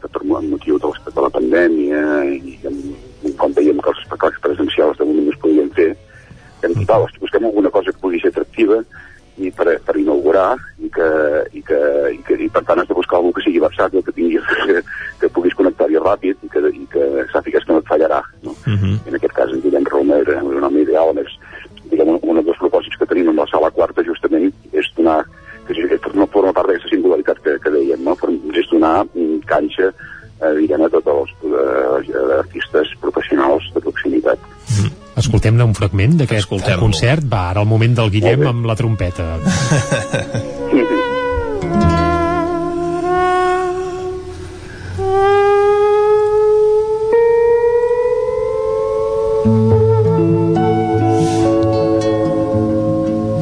Doncs i arribem al final d'una cançó i aquí, evidentment, Ara, hauria de venir l'ovació de, del públic, però no hi havia públic, eh, Ramon? No hi havia públic, però justament ell ho va portar molt bé perquè anava fent broma sobre? Vull dir, fins i tot hi ha una cançó que, acaba, que el públic canta i anava dient, bueno, ara hauríeu de cantar, però de cantar a casa, no? Perquè, perquè evidentment, el, format digital té això, que canvia els, els paradigmes una mica, no? Però hi torno a insistir, per cert, s'ha de dir que en Guillem Roma el tema aquest de la trompeta, feta sense trompeta, l'ha desenvolupat amb una perfecció cada vegada més extraordinària. Sí que cos- costa de discernir si l'està tocant o no. Sí, sí, sí, és increïble.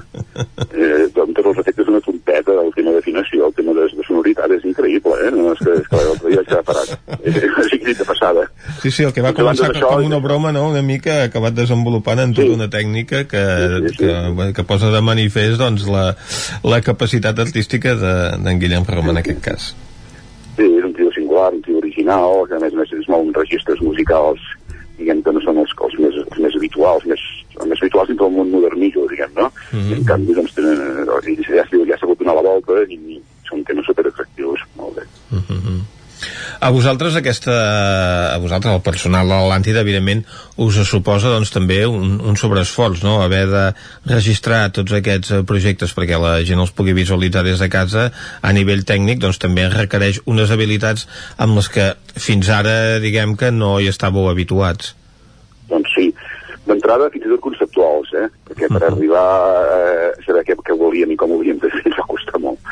Ens hem de mentalitzar molt, són coses que, com tu dius, doncs no, no, no, són, no formen part del nostre dia a dia, i primer conceptualment i després a nivell, eh, això, a nivell d'esforços, doncs és un esforç econòmic i també tècnic important, no? Però, però també entenem que, que és una obligació que tenim una mica perquè, perquè en aquests moments eh, el, el sector cultural, artístic, està realment molt baix de moral. Tothom està molt deprimit, amb raó, a més a més, perquè realment no, la situació és dramàtica en molts casos. I per tant, nosaltres una mica el que volíem és que la, vam dir que la màquina no pot parar, hem de fer coses. Hem de fer coses, hi ha d'haver activitat artística, i per tant aquests esforços realment, si ho, en el temps haurem de mirar com els, com els, podem, com els podem anar compensant, segur que trobarem la manera, però de moment aquest esforç, diguem, es fa, si més no, de gust, en el sentit de que, de que això, saps que compenses aquesta part de, de, i d'activitat eh, que hi ha en el món cultural presencial. De fet, a Vic el Pla d'Acció Cultural ja es referia no? a, a dur a terme accions d'aquest tipus. Sí, sí, sí, sí. Això deia que inclús abans de la pandèmia, d'alguna manera, o, o, en l'imaginari, el fet de, de, de, el fet de tenir una finestra virtual on poder fer un tipus de, de producció artística diferent de les habituals ja, ja hi era. Per tant, per tant ja dic, al mig camí ja hi érem. Uh -huh. I aquest eh, segon confinament a l'Atlàntida us ha obligat a reprogramar molts espectacles, no? Al alguns ja, ja, ja s'han hagut d'ajornar dues vegades, com és el cas del concert de Núria Graham, que la pobra doncs està molt afectada per no poder estrenar el disc a la seva ciutat. Sí. Bueno, val, val, a dir, val a dir que avui justament eh, aquest matí estarem gravant la Núria Graham perquè també serà una, una, una de, les, de les produccions que podrem veure a la sala quarta. Uh -huh. Vull dir que avui mateix aquest matí, perquè de moment almenys assegurem que, que, que el Justo que pugui presentar el disc a la seva ciutat, encara que sigui virtualment. Uh -huh. Però, però sí, sí, s'ha suspès, bueno, s- s- ja, va tres, hem, ja, ja tenim tres dates que s'han anul·lat totes tres, amb la Núria Graham, amb, amb, du- amb dues produccions, amb la dona dels 600 i amb la Núria, Gra- amb la Núria Graham, Uh -huh. amb, tot, amb totes dues produccions hem fet tres dates i cap de les tres s'ha pogut fer. Uh, bé, si podem anirem per la quarta. No podran, no podran, amb- no podran amb nosaltres. Se segur que no, segur que no. I dels espectacles que heu hagut de reprogramar, alguns comencen a tenir data, no? Sí, sí, de fet, eh, és això, per, per, per dir. Fins i tot hi ha una obra de teatre a cobertura que, amb, amb la Clara Segura i el Bruno Oro, que eh, la vam posposar, vam fer un salt d'un any. O sigui, aquesta la farem pel maig del 2021. I la teníem al maig del 2020. Eh?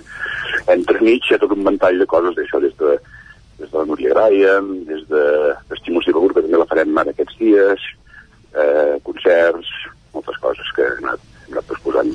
Uh -huh. I de cara a les festes de Nadal, que sempre doncs, són jornades de molta activitat als teatres, no sé com us ho esteu eh, plantejant, era època doncs, de pastorets, de grans concerts, ara mateix què en Sí. podem esperar? Bé, nosaltres eh, ja teníem la programació feta, perquè de fet la, ja la, la havíem tancat just quan va començar la, la primera pandèmia, perdó, sí, la primera pandèmia, el primer confinament, Exacte. i per tant nosaltres el que fem és, és, és mantenir, de moment afegint i fins i tot com deia algun espectacle posposat, però mantenir la programació que ja teníem. No? Per tant, eh, aquests dies nosaltres ens refiem justament eh, en si, com diuen, aquest confinament s'acaba el 28, per allà el 27 de- de- d'aquest mes, podrem fer el Testimonci de Begut, Uh -huh. podrem fer el Miqui Núñez, podrem fer l'espectacle de muntany del senyor Serrano, podrem fer el concert... El concert de Nadal no es podrà fer, uh -huh. aquest sí que l'hem posat per, per, per la primavera, per la, per, per, per, per, per març, però els pastorets també estem pendents de veure si es podran fer o no, Uh -huh. eh, per qüestions de, del número de gent d'assajos i tot plegat, però en principi contem que es podran fer eh, d'una manera o d'una altra, i els grans concerts, com deies, doncs el 30 de gener, també contem que el, que el podrem fer. Però, esclar, eh, avui dia hem estat de viure amb aquesta mena de incertesa permanent, no? Per tant, tot això el tenim programat, no l'hem tocat, i a veure què, què ens depara el futur. Esperem que a partir de la setmana que ve pugui començar aquest procés de desconfinament. Està previst que sí, això vol dir que tot, que tot va bé. Doncs esperem que tot vagi bé, que puguem anar recuperant la normalitat, que l'Atlàntida pugui anar reprogramant i programant de nou, i el que fem ara, Ramon, si et sembla, és acomiadar-nos escoltant doncs, una mica la música de Guillem Roma, precisament. Estupendo, em sembla molt bona idea. Correcte, doncs marxem amb un fragment del concert que va servir per obrir la sala 4 de l'Atlàntida aquest passat cap de setmana, amb el Guillem Roma acompanyat de la seva germana, la Marta Roma al violoncel i el Guillem Plana a la guitarra elèctrica. Amb aquest format de trio van obrir aquesta sala 4 de l'Atlàntida de Vic. Amb ells seguim a Territori 17, tornarem a dos quarts en punt eh, fent un repàs a les piulades. Sí? Doncs anem-hi. creuar corrents tots els camps de blat les tempestes tropicals que ens han atrapat Territori 17. El nou FM, el nou FM. La Fogonera, resistència gastronòmica. És un restaurant? És un rostidor? És La Fogonera, la cuina en directe des de GURB, on encarregues, ho vens a buscar i ara també t'ho portem a casa. La Fogonera, resistència gastronòmica. Ara, amb la fogonera de dia, amb aperitius, arrossos, segons plats i postres. I quan cau la nit, ens transformem en un popurri culinari. Búrguers, pizza, pasta... Truca al 93 851 55 75 o entra a lafogonera.cat. La Fogonera, el teu aliat gastronòmic. Cocodril Club. Si t'agrada la bona música dels anys 60, 70 i 80, escolta el 9 FM als matins de dissabtes i diumenges d'11 a 1. És el temps del Cocodril Club, tot un clàssic de la ràdio, amb les bases del pop-rock, les llegendes, les cançons que s'han convertit en autèntics himnes. Recorda, dissabtes i diumenges al matí, d'11 a 1, al 9 FM 92.8. Cocodril Club. El programa Revival de l'Albert Malla. Hasta luego, cocodrilo. Cobertes serveis funeraris. Els nostres tanatoris estan ubicats en els nuclis urbans més poblats de la comarca d'Osona per oferir un millor servei. Tanatori de Vic, Tanatori de Manlleu, Tanatori de Centelles i Tanatori de Roda de Ter. Sabem que són moments difícils i per això el nostre compromís és atendre-us en tot moment amb un tracte humà, sensible i respectuós. Cobertes serveis funeraris. Telèfon 24 hores 93 883 23 46. Vols trencar amb l'oligopoli de l'IBEX 35? Apunta't al consum estratègic i comença a consumir serveis catalans. Per això et convidem a omplir el dipòsit a Petrolis Independents. A Osona ens trobaràs al polígon Mas Galí de Vic i a Centelles just després de la sortida sud. Si vols factura, entra a la nostra pàgina web petrolisindependents.cat i dona't d'alta. Comença a ser independent. Tenim la força de l'amor. Només pensar en passar aquesta nit sense calefacció amb aquest fred? No es preocupi, hem analitzat a fons la caldera i de seguida quedarà reparada i en funcionament. Quan tingui un problema amb la seva caldera, vagi directament a la solució. Truqui sempre al servei tècnic oficial de Saunier Duval i despreocupis, perquè som fabricants i coneixem les nostres calderes peça a peça. Informis a Oficiat Nord trucant al 938860040. Saunier Duval, sempre al seu costat. L'Auditori Teatre de Call d'Atenes presenta Paraules encadenades, de Vitó. El 28 de novembre a les 9 del vespre, Paraules encadenades, a l'Auditori Teatre de Call d'Atenes.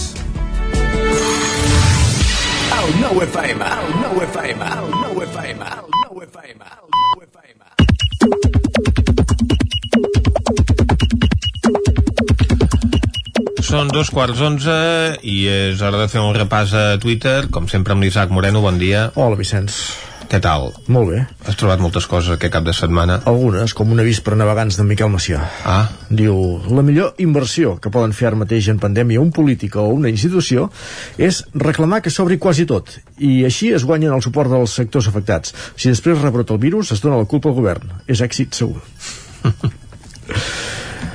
Ara que venen eleccions convé eh, doncs, prendre mesures de màrqueting polític també. Ramon Besa, també periodista, diu Pregunto, no tenim memòria? Que no es parli de Vilaseca, de Josep Lluís Vilaseca, primer secretari de l'Esport mort aquest cap de setmana, que no es parli de Vilaseca com es mereix és perquè els vells no sabem explicar-nos o perquè no interessa als joves o perquè tot caduca al moment. Els esforços que faig per conèixer lo nou no es corresponen amb el que fan els nous per conèixer lo vell. Uh -huh. Val a dir que té algunes respostes al, al tuit però és una reflexió interessant I segur que totes donant-li la raó, no? no, hi ha algú Hi ha que discrepa no? des de la part jove, clar lògicament Però, en tot cas, qui va conèixer la seva figura segur que comparteix doncs, aquest posicionament d'en Ramon Besa. Xavi Verdolet, acabo de deixar atrapada una mosca en el marge que queda entre la finestra que he tancat i la persiana que he abaixat. Personalment, la perspectiva que de tenir tota la nit per davant en aquestes circumstàncies m'avorriria bastant. Entre avorrir i neguitejar més aviat, no? Tuit interessant que sí que ha generat reaccions des de Tona, l'usuari de Llonces, J. Roca Cafont, diu Llums que il·luminen l'església del segle IX de Tona. Uns imbècils s'avorreixen i se'ls carreguen. S'ha de ser... Acaba la frase. I comparteix la fotografia d'aquests fanals d'aquests llums trencats.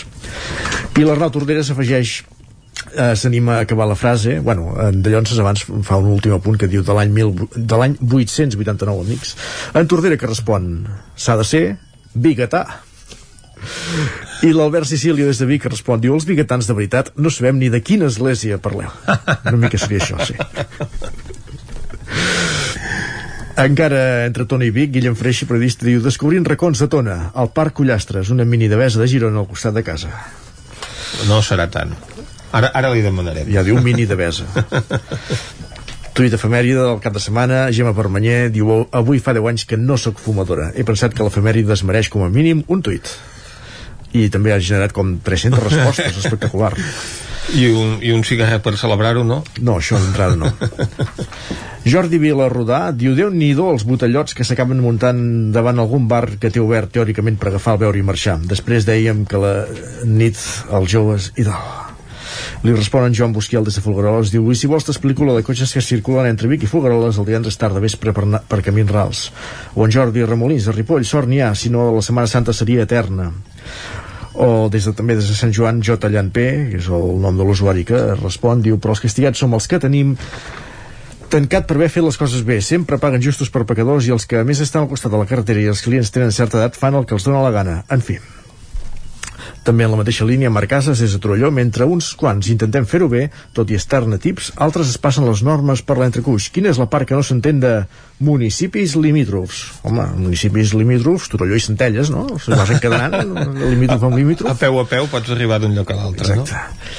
I acabem una piulada de l'Anna Pont, des de Vic diu, si jo sóc advocada i aquest jutge cridaner maleducat desperpèntic m'increpa d'aquesta manera, li estampo el Codi Penal a moda de pedrar dels morros a risc de no exercir mai més. Costaria arribar als morros a un jutge que sempre va amb el cap cop. Bueno, hi ha maneres. Anem a repassar les portades del 99.cat. Doncs a l'edició d'Osona i el Ripollès en parlem ara a la taula de redacció, un bus escolar que pedala, tot seguit en Guillem Freixa ens ho explica. Salut potencia la vacunació de la grip per evitar la sobrecàrrega del sistema. La cara més amarga de la pandèmia crònica de la Clàudia Dinarès a l'UCI de l'Hospital Universitari de Vic o l'assassinat de Samuel Pati em va fer recordar un episodi viscut fa anys com a professora d'institut, el testimoni també d'una professora que ha exercit a la comarca d'Osona. Uh, l'edició del Vallès Oriental Granollers dignificarà l'espai del cementiri on s'enterraven naunats Gorka Insausti, entrevista. Si pogués em canviaria la veu, diu. Uh, Mont Montornès ja ha rep reposat tots els contenidors cremats en actes vandàlics l'1 de novembre i Salut potencia la vacunació de la grip per evitar la sobrecàrrega del sistema. Repetit aquest titular a les dues edicions. Evidentment, perquè és un tema d'àmbit general i comú que cal tenir en compte amb aquesta situació sanitària que estem passant. Bon dia. Moltes gràcies, Isaac. Anem a la taula de redacció. Territori 17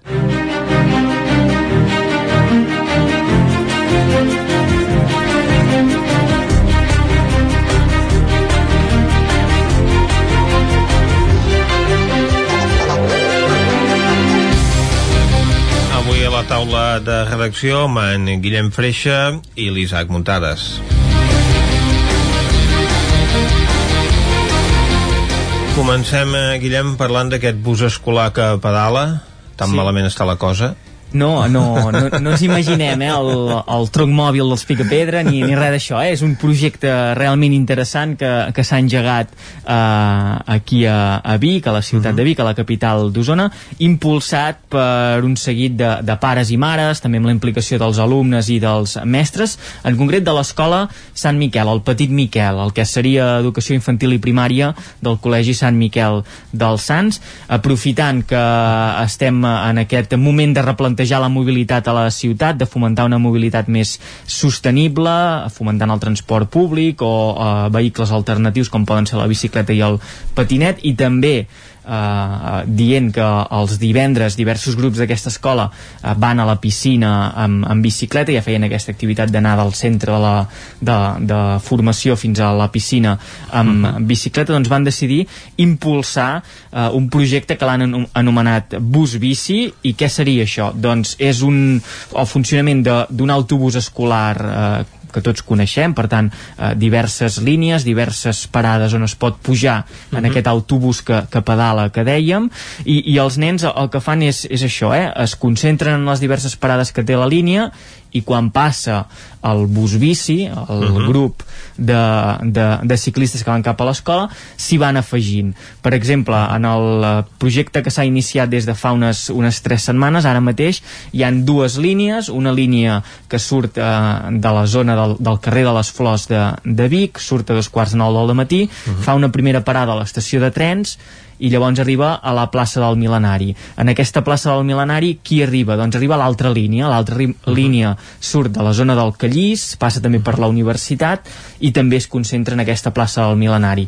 Aquesta plaça del Milenari és on comença el carril bici de la Ronda Camprodon, el Ahà. discutit i comentat carril bici de la Ronda Camprodon, un pla pilot que va engegar l'Ajuntament de Vic per eh, fer eh, dos carrils bici, un per sentit de circulació, eh, molt més ample, traient espai els eh, cotxes i com dèiem al principi o eh, encara eh, va generant certa polèmica de si uh -huh. no és aprofitat, de si és aprofitat, de si genera massa embussos a, a, en aquesta artèria de la ciutat, perquè realment la Ronda Camprodon és l'artèria de la ciutat, i a partir d'aquí, quan es troben totes aquestes dues línies a la, a la plaça del Mil·lenari, el que fan és fer tota la ronda Camprodon fins al Col·legi Sant Miquel, que es troba a l'altre extrem, a, a, a dalt de tot d'aquesta ronda Camprodon. Realment la imatge és espectacular. A veure una cinquantena d'alumnes de, de totes les edats eh, pedalant doncs fa realment goig i també eh, fa pensar, eh, al veure com es mou aquest, aquest bus bici,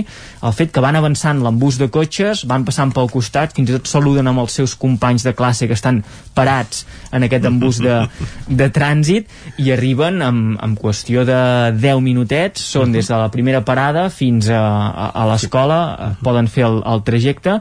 Les edats, eh, el que dèiem, eh, infantil i primària, trobàvem des de nens i nenes fins a 12 anys i també els més petits, quatre alumnes de 5 anys, P5, per tant, eh, que, que començaven, començaven a anar en bicicleta, han començat a anar en bicicleta i els veies pedalar també en, aquesta, en aquest uh, projecte perquè hi hagi seguretat, com, com es fa, com s'organitza, doncs això compta amb el suport de, de dues plataformes, d'Osona Bici, que fomenta l'ús de la bicicleta aquí a la comarca eh, d'Osona, i també de Canvis en Cadena, una plataforma que el que vol és potenciar eh, aquests canvis de mobilitat cap a una mobilitat més sostenible, potenciant sobretot la, la bicicleta, i el que fan és que en cada línia hi ha un motor, el que s'anomena un motor és la figura de la persona que, que coordina, que dirigeix el, els nens, també vetlla perquè hi siguin a tots. Un monitor en definitiva, Exacte, com el que pot haver el bus escolar. Efectivament, uh -huh. i al seu costat hi té els voluntaris, que són eh, gent voluntària, com, com dèiem,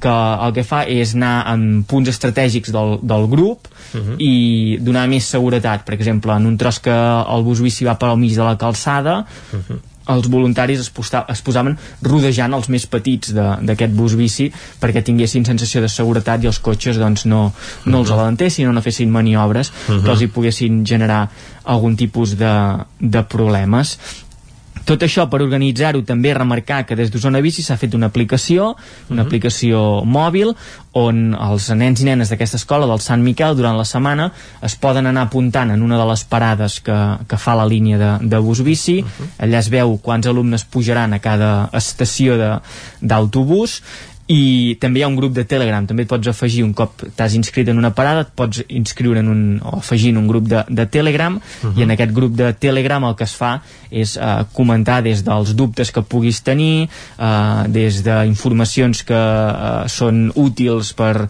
per als participants i la part diguem-ne més logística -huh. si doncs el bus bici que ha començat a, a pedalar ha arrencat el seu motor eh, en forma de, de cadena i de, de pinyons uh -huh. i de moment ens deixa els divendres, cada divendres aquesta imatge de pujar a la ronda Camprodon des d'Osona Bici, canvis en cadena animen a la resta d'escoles de la ciutat que també eh, promocionin aquests eh, projectes de fomentar la bicicleta com a vehicle per moure's per la ciutat uh -huh. i ho deien d'una manera molt clara molta gent diu que per moure's per la ciutat en bicicleta els hi fa, els hi fa por, els hi fa respecte uh -huh. i es deien doncs la solució segurament és moure's en grup el uh -huh. moure's en grup et dona més, més seguretat i això fa que, que, bueno, que facis el pas endavant uh -huh. per començar a moure't en, en bicicleta uh, el bus bici que en la Ronda Camprodon si més no els divendres tenim la, la CERT multicolor eh, de, del Tour la tenim a la, a la Ronda Camprodon o, o no que... tan multicolor perquè si van tots amb l'armilla no, no, hi, no hi deu haver tanta varietat de, de colors si més no les maletes es, uh, fan l'efecte multicolor. Com diem això, cada divendres el, el bus bici fins al Col·legi Sant Miquel. Molt bé, doncs gràcies eh, Guillem per aquest recorregut amb el eh, bus bici de Vic. I ara nosaltres anem a la veu de Sant Joan on l'Isaac Muntades ens parlarà de l'inici de la segona setmana del judici del 17A Isaac Sí, Vicenç, bé, de fet us volia explicar també una mica aquesta, al final d'aquesta primera setmana, no?, que vam uh mhm. -huh. tenir també algunes coses interessants, per exemple es va parlar d'un tema que havia quedat molt molt apartant, no? com era la, la detenció de Drisu Cavira a Ripoll, que a més a més doncs, van sortir algunes coses bastant interessants, per exemple, eh, en el cas doncs, que, que va amenaçar de mort eh, els agents que, que el van detenir, els hi va dir alguna cosa així com que si ell doncs, tornava a anar a la presó Uh -huh. uh, això ho va dir així, vull dir, no sabem si realment havia estat abans a la presó Drisu Kabir o no, però que ell no volia tornar-hi a anar. detingut possiblement, sí. no? Detingut possiblement, exacte, uh -huh. i, i sí que els va amenaçar de mort i concretament doncs, contra els agents que els va detenir va, va amenaçar-los de mort en, en la gent calp amb ulleres i amb la gent eh, eh, amb ulls blaus no? va, va fer servir aquestes paraules i a més a més amb els seus fills també, vull uh -huh. dir que realment no, no va ser gaire agradable aquesta situació a més a més Això també... desmunta una mica la seva tesi de la defensa, no? Exacte, exacte, que hi va anar, va entregar-se voluntàriament, és, això és el que va dir ell, no? Que ell, uh -huh. que ell, bueno, que la seva intenció era entregar-se quan la seva nòvia l'havia trucat per dir-li que l'havia vist a la tele, el van trobar certament a uns 200 metres de la comissaria, el que passa és que quan doncs, es van acostar per detenir-lo, ell estava bastant nerviós i sí que tot i que no va arribar doncs, a fugir, doncs sí que va fer algun gest de, de nerviosisme, de no acatar les ordres i van haver d'emmanillar-lo i de, de tirar-se-li a sobre per poder, doncs, no, no diríem reduir-lo, però sí que uh -huh. doncs, per, per portar-lo a comissaria.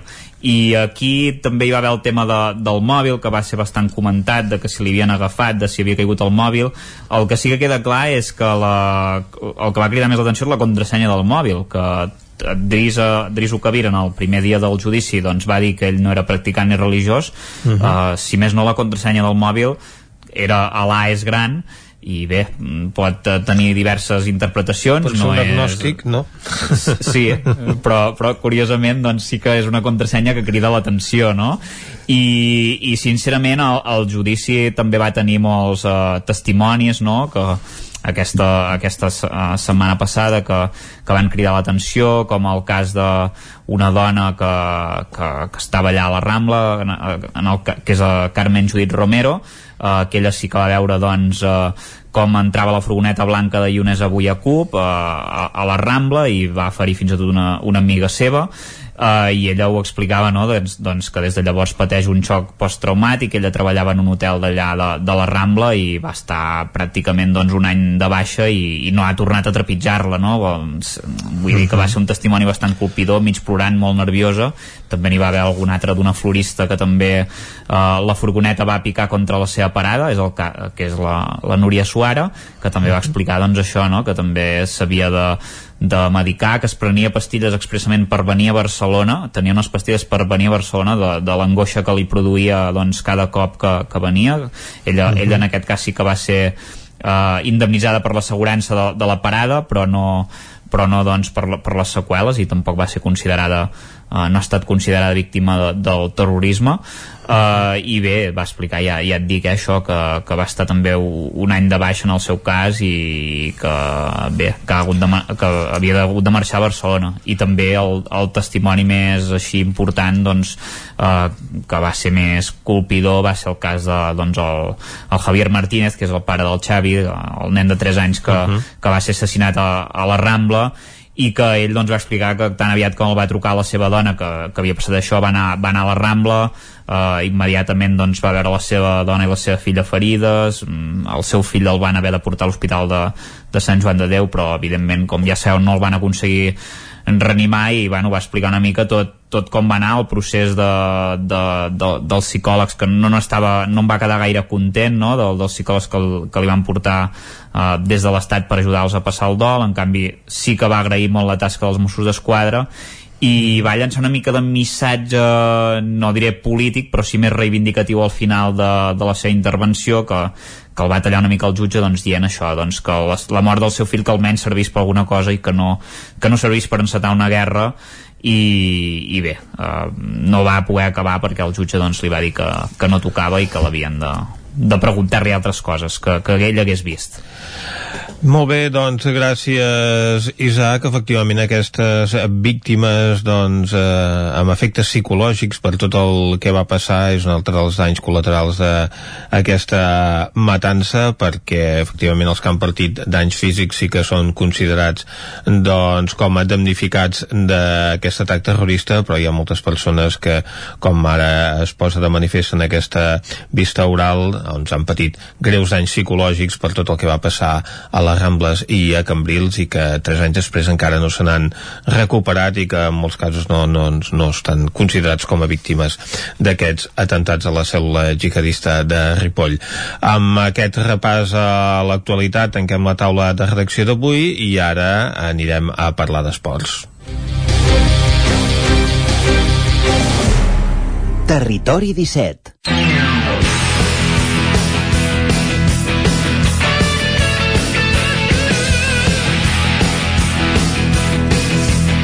Doncs quan passen un parell de minuts de tres quarts d'onze, el que toca és fer un repàs a com els ha anat els nostres equips, els equips de Territori 17, al cap de setmana.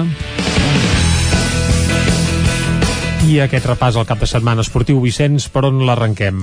Anirem a Cardedeu, on ens espera l'Òscar Muñoz per portar-nos l'última hora esportiva d'aquest cap de setmana. Òscar, bon dia. Doncs sí, bon dia. Quins són els partits que s'han pogut jugar aquests últims dies? Avui portem més, més esports que no siguin en vol. Perfecte. Comencem per el Franking.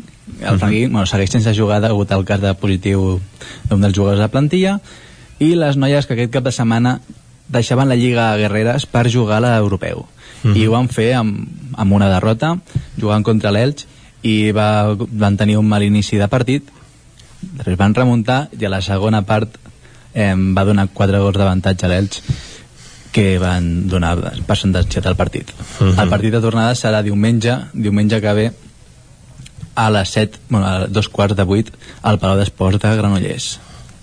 I aquest cap de setmana arrencava la Lliga EVA, on juga el, el Granollers uh -huh. i doncs també el seguirem ben de prop quins resultats tenen. I van començar sí. uh -huh van començar eh, amb un derbi ballesà a la pista de Lliça damunt però van perdre per un 79 a 59 el partit va ser un partit interessant amb el percentatge de triples un 50% que va suposar un mal de cap als equips granollerins o sigui, la setmana, aquesta setmana el, el Granollers descansarà perquè no hi ha competició i tornarà el 28 de novembre contra el Club Basquet Consell o sigui, el seguirem ben a prop aquest Granollers també de bàsquet per suposat que sí, que els seguirem ben de prop. Moltes gràcies, Òscar. Eh, celebrem que es vagin incorporant més esports i més equips a la normalitat.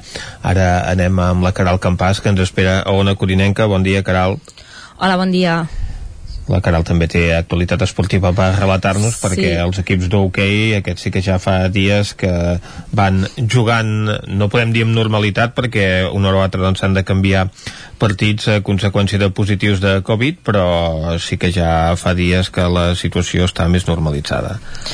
Sí, uh, han anat uh, més o menys, eh? Tenim el Sant Feliu que ha perdut dos partits, el Caldes també ha perdut, i el Vigas, però el Vigas femení ha guanyat. Us, us comento, començo comentant els partits del Sant Feliu, uh -huh. uh, que aquest cap de setmana va visitar la Comunitat de Madrid, jugava uh, contra les Rozas dissabte i contra el Ribas diumenge, en un partit aquest de diumenge que havia sigut aplaçat per temes de Covid, com, com moltes altres uh, casos que també hi ha hagut en els equips de la nostra zona de plaçaments, però bé, van poder recuperar-lo aquest diumenge Llavors, el dissabte, el partit contra les Rozas va començar molt trebat, amb unes defenses intenses per part de tots dos equips, però sense un denominador clar, i a mesura que els minuts avançaven, les Rozas va generar més perill a la porteria de Turon, i gairebé sobre la botzina del descans eh, van obrir el marcador. Aquest gol va semblar que deixava molt tocat el Sant Feliu, que també abans de l'equador de la segona part ja perdia per 3 a 0. Finalment, a la segona part, els madrilenys eh, van fer tres gols més que deixaven el marcador sentenciat amb un contundent 6 a 1. I l'endemà, després d'aquesta derrota, el partit contra el Ribas també va anar malament. Va començar amb un ritme baix, tot i que el Sant Feliu es va posar al davant al minut 12 amb un gol de Fages, però els locals van fer l'empat abans del descans i els madrilenys van saber aprofitar les seves oportunitats i van guanyar per 5 a 1. Els que també mm, ho van passar malament va ser eh, el rec amb les Arcaldes, que afrontava un partit amb el Barça dissabte. Eh, bé, el Barça sempre és un rival complicat, però si ho fas eh, després d'un període d'inactivitat, com era el cas d'Alcaldes, encara es complica més. Uh, els d'Eduard Candami no van mostrar la mateixa efectivitat que els seus rivals, eh, fet que van pagar amb un preu molt alt, i el partit se'ls va complicar només començar uh, pel Caldes, perquè Helder Nunes va transformar un penal als 7 segons comès pel porter Gerard Camps. Uh, per tant, ja només amb 7 segons de partit començaven ja amb penal, aquest sí. exacte, que, que va ser molt psicològic i, i que va marcar també eh, aquest partit eh, on l'efectivitat va ser la gran diferència entre eh, dos conjunts. Eh, el mateix Nunes eh, d'aquest primer gol i Matías Pasqual van fer el 0-2 i el 0-3 amb dos xuts exteriors. I amb el 0-3 al descans Alcaldes va sortir convençut de poder sorprendre, intentar sorprendre el Barça a la represa però no van aconseguir remuntar també comentar que el poc encert de, del porter Camps eh, d'Alcaldes no va ajudar a aquesta golejada barcelonista que va tancar el marcador amb un 1 a 7 les que sí que van guanyar van ser el Vigues i Riells femení, eh, que aquest equip continua amb la dinàmica de tenir o un partit boníssim o un partit amb moltes eh, greus deficiències. Vaja. Llavors, dins d'aquesta temporada irregular, però aquest cap de setmana vam poder tenir la millor versió d'aquest equip biguetà, biguetà amb de alta de Vigues i Riells, que, que van Està bé, acabar... bé. van acabar golejant amb molta claredat l'Astur Hockey. Uh, bé, el desig del Vigas de guanyar es va notar des del primer instant i la superioritat es va fer patent des dels primers minuts. Al 8 el Vigas ja guanyava per 0 a 3 i el marcador abans del descans amb un 1 a 7 ja deixava el partit més que sentenciat. Fernández va fer el segon de les locals i la golejada del Vigas la va completar Igualada, Rubio i Canyador amb un 2 a 10. Lamentablement amb hoquei femení no hi ha possibilitat de confusió entre el gentilici de Vigues i Riells i el de Vic. No, el Vic, el hoquei femení, de moment s'acaba a les divisions, eh, no sé si infantil o... Vaja, sí, no, no hi ha gaire res més. Doncs moltes gràcies, Caral. A vosaltres. Anem ara de nou a la veu de Sant Joan amb l'Isaac Muntades. Bon dia de nou, Isaac. Bon dia de nou. Doncs aquesta... Aquesta setmana, com, com ho hem tingut al Ripollès? Poca activitat, no?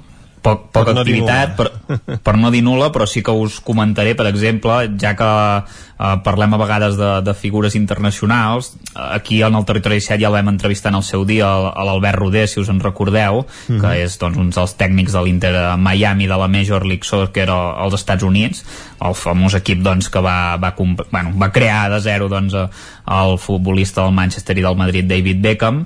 I en aquesta primera temporada que en principi, si us en recordeu en aquella entrevista ens va dir que bueno, l'objectiu era més o menys créixer i anar a poc a poc doncs s'han aconseguit classificar uh, pels play-off uh, per tant és un, un molt bon resultat. En, en, van guanyar en el partit decisiu així per, per entrar-hi al Cincinnati per, per dos gols a un i, i bé, aqu aquell equip que en principi no tenia estrelles doncs uh, ja ho sabeu que ha fitxat alguns jugadors molt importants. Uh, normalment hi van jugadors que ja s'estan uh, més aviat cap a la recta final de la seva carrera però sí que destaca doncs, que, que hi juga Gonzalo Higuaín que va jugar doncs, a, al Madrid, el, el, la Juventus, el Chelsea, amb quan- quantitat d'equips, o, o Blaise Matuidi, que ha estat internacional en França i també ha jugat doncs, a, a, al PSG o a, o a la Juventus, i, i, o Pizarro, no?, per exemple. Vull dir que han creat un bon equip i, i fins i tot recordeu que va arribar a sonar Luis Suárez, que al final doncs, no, no hi ha anat i ha, i ha acabat a l'Atlètic de Madrid.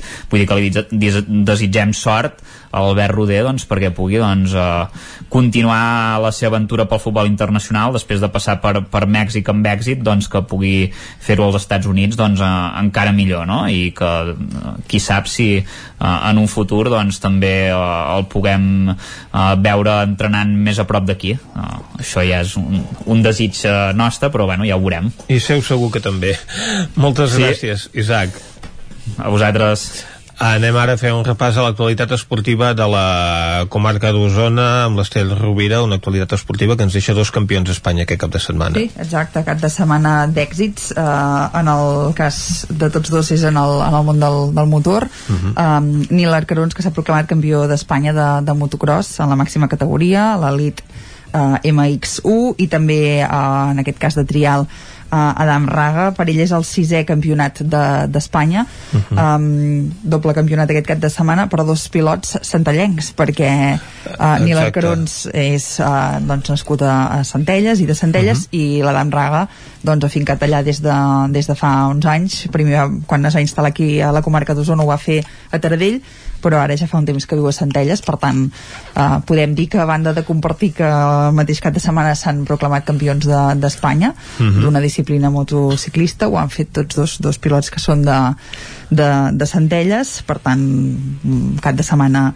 uh, d'èxits destacats i també encara en el, en el món del motor um, dir que aquest cap de setmana es feia l'última prova del Mundial Enduro on Pau Tomàs de, de Perefita ha acabat uh, la competició en cinquena posició en categoria júnior i un altre uh, pilot, en aquest cas també afincada a Osona, tot i no ser-ho, perquè ella és uh, de Manresa, uh, però Mireia Badia, que també fa un temps que, que viu a Sant Julià de, de Vilatorta, ha acabat uh, com a subcampiona de, de la competició. Per tant, un bon cap de setmana de, de resultats Ah, exacte, uh, en el món del pel motor. eh? motor usonenc com ve sent habitual al llarg de la història Exacte, no? tant si són d'aquí com si venen de fora a viure aquí Per alguna cosa venen aquí, sí, també. segurament, segurament també sí, sí, és així, és així um, doncs anem a repassar els esports d'equip si Sí, et sembla exacte. Això en el cas de, del motor i els esports d'equip tenim una mica de tot. Tenim alguns resultats mm -hmm. destacables i també moltes derrotes i per, per golejada, com per exemple és el que els hi va passar al Taradell i al Vic aquest cap de setmana.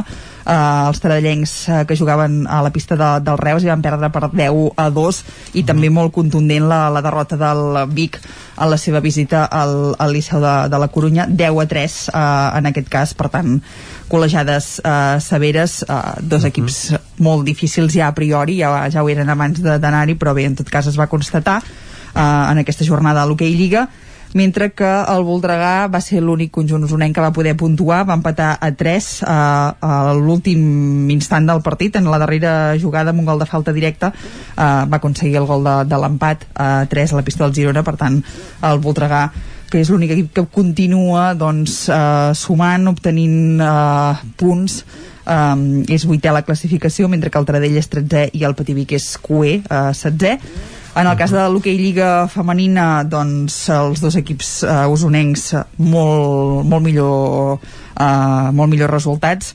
Uh, especialment destacat era el partit de, que jugava el, el Manlleu que visitava el Telecable Gijón que és doncs uh, el seu màxim rival Exacte, uh, d'entrada en, En aquest, aquest grup. en aquest grup de competició que estan ara, després en la següent fase veurem, no? perquè Mhm. també entraran en joc el Palau, el Voltregà uh, Mhm. i altres equips, no? però, però bé, en tot cas en el seu grup ara mateix sí que ho era, era un dels partits més destacats d'aquesta primera fase de competició i uh, les mallauenques que van imposar-se per 3 a 4 uh, a domicili en aquest repte, uh, doncs, com deien, destacat uh, en el que portem uh, i que de fet tancava la primera volta de, de la competició i hem de destacar que porten 6 victòries en 6 partits jugats per tant uh, balanç uh, més, Molt que, positiu. més que bo Uh, sí, els manlleuenques uh, és molt d'hora perquè és això, eh? només portem una volta d'aquesta primera fase de competició, però sí que els havia quedat una mica l'espina clavada que l'any passat quan es va suspendre la competició al març les va enganxar en un moment molt bo de la temporada en què podien aconseguir doncs,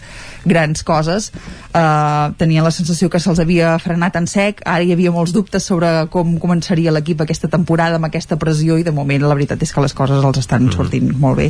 I també va aconseguir un triomf important al Voltregà en el seu cas de la pista de, del Vilanova uh, per 0 a 2 i tanquen la primera volta amb, amb 16 punts, dos menys que, que el Manlleu. Per tant, uh, bé, tampoc no, no és que els estiguin anant uh, malament les, les coses en el seu cas el grup B de, de la competició.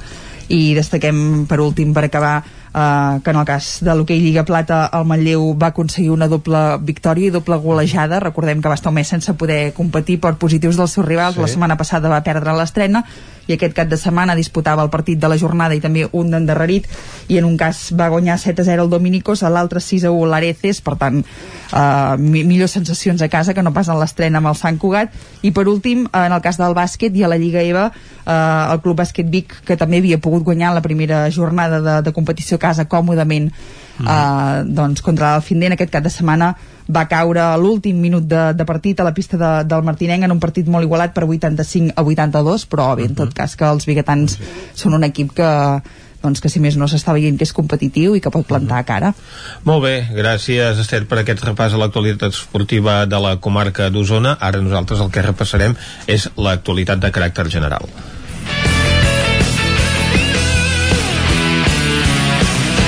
Són les 11 i gairebé dos minuts i mig del matí i en aquest punt torna la informació de les nostres comarques, les comarques del Ripollès, Osona, el Moianès i el Vallès Oriental. Territori 17, amb Vicenç Vigues i Jordi Sunyer.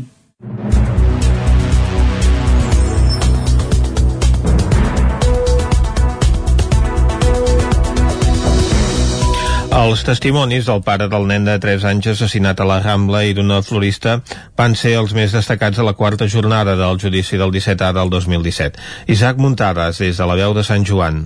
La quarta jornada del judici dels atemptats del 17 d'agost de l'any 2017 a Barcelona i Cambrils va comptar amb dos testimonis de víctimes del terrorisme que van explicar uns relats corprenedors. El més destacat va ser el de Javier Martínez, el pare del Xavi, el nen de 3 anys assassinat a la Rambla. Martínez va explicar que treballa d'electricista en la secció de manteniment d'una empresa a 10 minuts de la Rambla i que li va trucar la seva dona dient que havien atropellat el seu fill. Quan va arribar a la Rambla va trobar la seva dona i filla ferides i recorda un silenci que mai oblidarà. El seu fill se'l van emportar al cap de mitja hora cap a l'Hospital Sant Joan de Déu per intentar-lo reanimar. Quan ja van certificar la seva mort, la ciutat de la justícia li va demanar permís per fer-li l'autòpsia. Martínez va agrair la tasca feta pels Mossos d'Esquadra i va queixar-se de la poca assistència dels psicòlegs de l'Estat. També va dir que van rebre una indemnització de 250.000 euros, 125.000 per cada pare perquè estaven divorciats. Martínez va llançar un al·legat al final de la seva declaració que va ser tallat pel jutge Félix Alonso Guevara. Pero sobre todo a mi hijo lo hemos perdido todo, porque no sé si mi hijo sería el presidente del mundo, el primer astronauta que va a Marte, ya nunca sabremos qué sería mi hijo. Pero quería que sirviera para algo la muerte de mi hijo, quería que sirviera para algo bueno, no para empezar una guerra.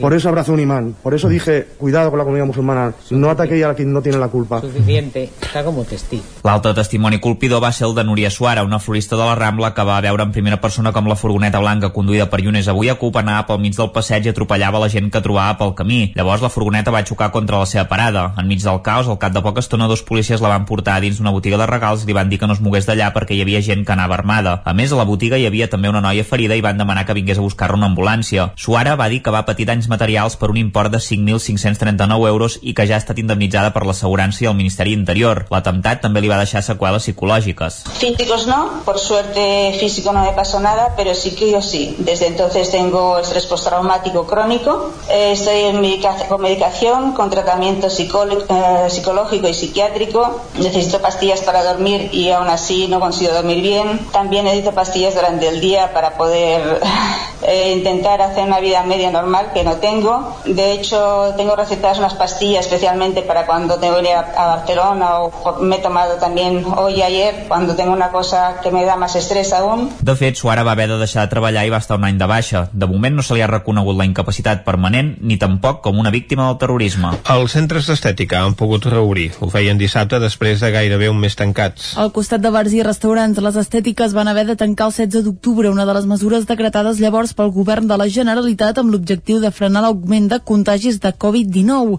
Ara, amb molta demanda, són els únics que han, pogut tornar a aixecar la persiana seguint així la decisió del Procicat anunciada dijous. Esther Ferrer té un centre d'estètica a Vic. Comencem ara, després d'un mes de tenir el nostre centre tancat, amb moltes ganes, amb molta il·lusió, eh, perquè ha estat un mes dur, eh, per l'incomprensió, l'indignació. Eh, sempre des del primer dia nosaltres eh, donem cita prèvia, som només la clienta i l'esteticient, o sigui, som dues persones a cabina, sempre hi ha ventilació contínua, um, tots els EPIs que se'ns va dir, les pautes les hem seguit des del primer dia, Amb el tancament dels establiments, els centres d'estètica, com altres autònoms, no han tingut cap ingrés i per això reclamen més ajudes econòmiques. És el cas d'Esther Ferrer. Hi han hagut dues ajudes, les de 1.500 euros de la Generalitat, a dia d'avui encara no he cobrat res, i les de 2.000 euros jo em vaig estar tot un dia i mig juntament amb el meu gestor provant-ho i no, no hi va haver manera.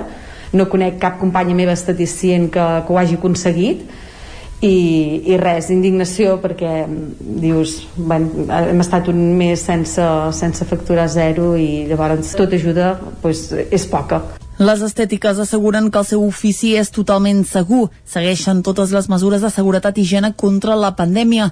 A l'estètica Ester Ferrer, a més de la mascareta FP2 i el gel, utilitzen guants, una pantalla de plàstic per la cara, sabatilles en comptes de sabates i espàtules per cada persona amb ús exclusiu. El grup d'Esquerra Republicana a la Diputació de Barcelona, encapçalat per l'alcalde de Mollà, demana que la Diputació prioritzi les inversions per acabar amb la bretxa digital. Caral Campàs, des Codina Codinenca. El grup d'Esquerra Republicana a la Diputació de Barcelona ha registrat un seguit de propostes recollides en un document per acabar amb la bretxa digital a la demarcació. El portaveu del grup republicà, Dionís Guiteres, ha explicat que el document es registra arran de diferents estudis on es constata la nula o poc eficient connectivitat a internet de molts indrets de la demarcació de Barcelona, ja siguin nuclis disseminats o zones rurals. Per aquest motiu, el grup d'Esquerra Republicana a la Diputació ha registrat un document que analitza la situació des del punt de vista tècnic i proposa la solució solucions més adients a cada cas per poder assolir aquesta connectivitat arreu de la demarcació. En primer lloc, proposen fer un estudi de la cobertura real de telefonia mòbil a petició dels ajuntaments amb zones considerades fosques per la poca o inexistent cobertura. La intenció final seria obrir línies d'ajuts cercant un finançament mix públic i privat per aconseguir que les operadores garanteixin la cobertura en aquestes zones. Segons ERC, el cost aproximat seria d'uns 15 milions d'euros, dels quals la Diputació en podria cobrir una tercera part. La segona proposta és fer arribar la fibra òptica a tota la demarcació a través de tub de fibra, aprofitant el cablejat aeri de telefonia fixa o mitjançant radioenllaç que afavoriria unes 5.000 masies. El regidor de Junts per Viladrau, Jaume Torrera, explica els motius de la seva sortida de l'Ajuntament. Ha deixat el consistori després de 9 anys i mig. En una entrevista al Nou TV deia que plega perquè sempre ha cregut que la política s'hi ha d'estar un màxim de 8 anys. Ell finalment n'hi haurà passat més de 9 perquè el seu grup va considerar que era que havia d'encapçalar la llista per tercer cop a les eleccions municipals de l'any passat. Jo sempre deia que 8 anys i al carrer. Vull dir, com penso que és que realment el que hauria de fer molts polítics perquè llavors ja es pensen que quan arribes allà ja poden ser 4, 8, 12, 16 i a mida que van passant més temps et creus més important i més intel·ligent que tothom i fas el que realment et dona la gana. Llavors evidentment sempre he dit que un bon polític si vol ser bon polític al cap de 8 anys hauria de dimitir. Que hagi fet la feina que hagi fet que penso que en 8 anys ja pot haver demostrat el que es pot fer marxa en un mandat marcat per la moció de censura contra l'exalcaldessa Margarida Feliu, amb qui van ser socis de govern al mandat passat. Tordera assegura que hi va donar suport davant la manca d'empatia d'Esquerra envers l'oposició, després que prosperés només amb els vots de l'oposició un projecte de plaques solars que el govern no compartia. Amb el Nadal i els actes que el conformen a l'horitzó, els ajuntaments ja treballen per adaptar les cavalcades de Reis a la pandèmia. A Vic, Manlleu, Torelló i Taradell ja han dissenyat unes cavalcades reformulades. De les celebracions nadalenques, les cavalcades de Reis són les més multitudinàries i els municipis que concentren grans quantitats de públic ja dissenyen rebudes alternatives. A Vic, on s'exhibeix una de les rues més lluïdes de Catalunya, només una trentena de persones de les 800 que són habituals formaran la comitiva. La cavalcada augmentarà també el recorregut dels 3 quilòmetres habituals fins a una vintena per arribar a tots els barris de la ciutat i se'n farà una retransmissió televisiva a través del nou TV. Albert Castells des del regidor de Manteniment i Serveis de l'Ajuntament de Vic. A banda d'aquesta retransmissió en directe hem preparat un circuit de cavalcada que properament farem pública que abarca doncs, els 14 barris de la ciutat i eh, arribem fins al poble de la Guixa per tant, demanaríem a totes les famílies que es quedin al barri i aquesta seria la idea eh, principal, que tothom es quedi al barri a veure els Reis, anul·lem el, la rebuda a la plaça Major, la tradicional rebuda a plaça Major pública, doncs eh, evidentment doncs, per raons de seguretat no la, no la podrem viure, però sí que es podrà veure eh, per televisió la rebuda per part de l'alcaldessa de ses majestats dels Reis a dintre l'edifici de l'Ajuntament. L'Ajuntament de Manlleu també té molt avançats el disseny i preparatius de la cavalcada. En l'edició d'enguany hi participaran entre 30 i 40 patges en comptes de 100 d'edicions passades i l'objectiu és recórrer tots els barris de la ciutat. Per la seva banda, Torelló planteja una rua més llarga i amb més campaments reials i Taradell ampliarà el recorregut, dividirà el poble en trams i hi haurà 8 punts de recollida de regals. Esports Dimecres passat, el món de l'esport es manifestava a Barcelona. El col·lectiu reivindicava l'afectació de les restriccions que s'han dut a terme aquestes setmanes respecte a l'esport. El Club de Natació de Cardedeu hi va ser present. David Oladell, de Ràdio Televisió Cardedeu. Malgrat totes les mesures que es van prendre per part dels clubs esportius, de la reajustació d'horaris i d'espais i del control exhaustiu de tots els esportistes, la competició i els entrenaments s'han vist aturats fins a nou avís. És per això que des de la Unió Federativa d'Esports de Catalunya es va convocar una manifestació a Barcelona. Els esports i els equips s'han hagut de reinventar i readaptar-se a aquesta nova situació, tornant als entrenaments telemàtics per no perdre l'hàbit i per mantenir viva la pràctica esportiva amb beneficis que això comporta. Judit Polls, entrenadora del Club Natació de Cardedeu. En la societat actual en la qual estem, en la que hi ha molt sedentarisme, veiem també unes generacions del cicle, del segle XXI, no? doncs en el qual veiem molts joves que estan moltes hores telemàticament, moltes pantalles, eh, cada vegada doncs, costa més el tema esportiu. Si a més a més aquestes restriccions no ens ajuden, eh, doncs ens veiem bastant afectats. Des de la natació sincronitzada, per exemple, només poden continuar amb la part física i d'elasticitat, perdent la part sincronitzada i d'aigua. Comptaven amb un equip que podria competir a nivell estatal, però no pot entrenar-se per poder accedir a les proves.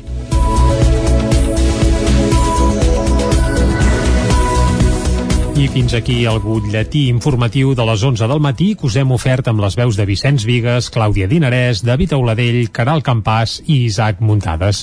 Ara el que toca és fer una molt breu pausa, re, mig minutet, i tornem de seguida amb novetats discogràfiques d'àmbit nacional. Cada dilluns l'Arnau Jaumira ens no costa alguna. Amb què ens visitarà avui? Ho descobrim d'aquí mig minutet. Fins ara. Territori 17. Envia'ns les teves notes de veu per WhatsApp al 646 079 023. 646 079 023. WhatsApp Territori 17.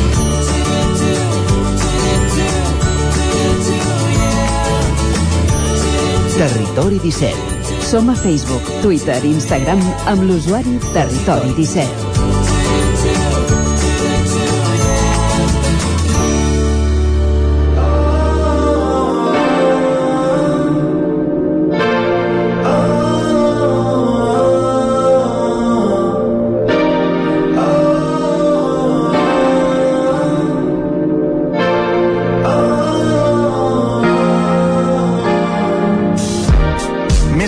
Les mirades que sempre regalaves, vaig saber que ho notaves. Si volies m'atrapaves.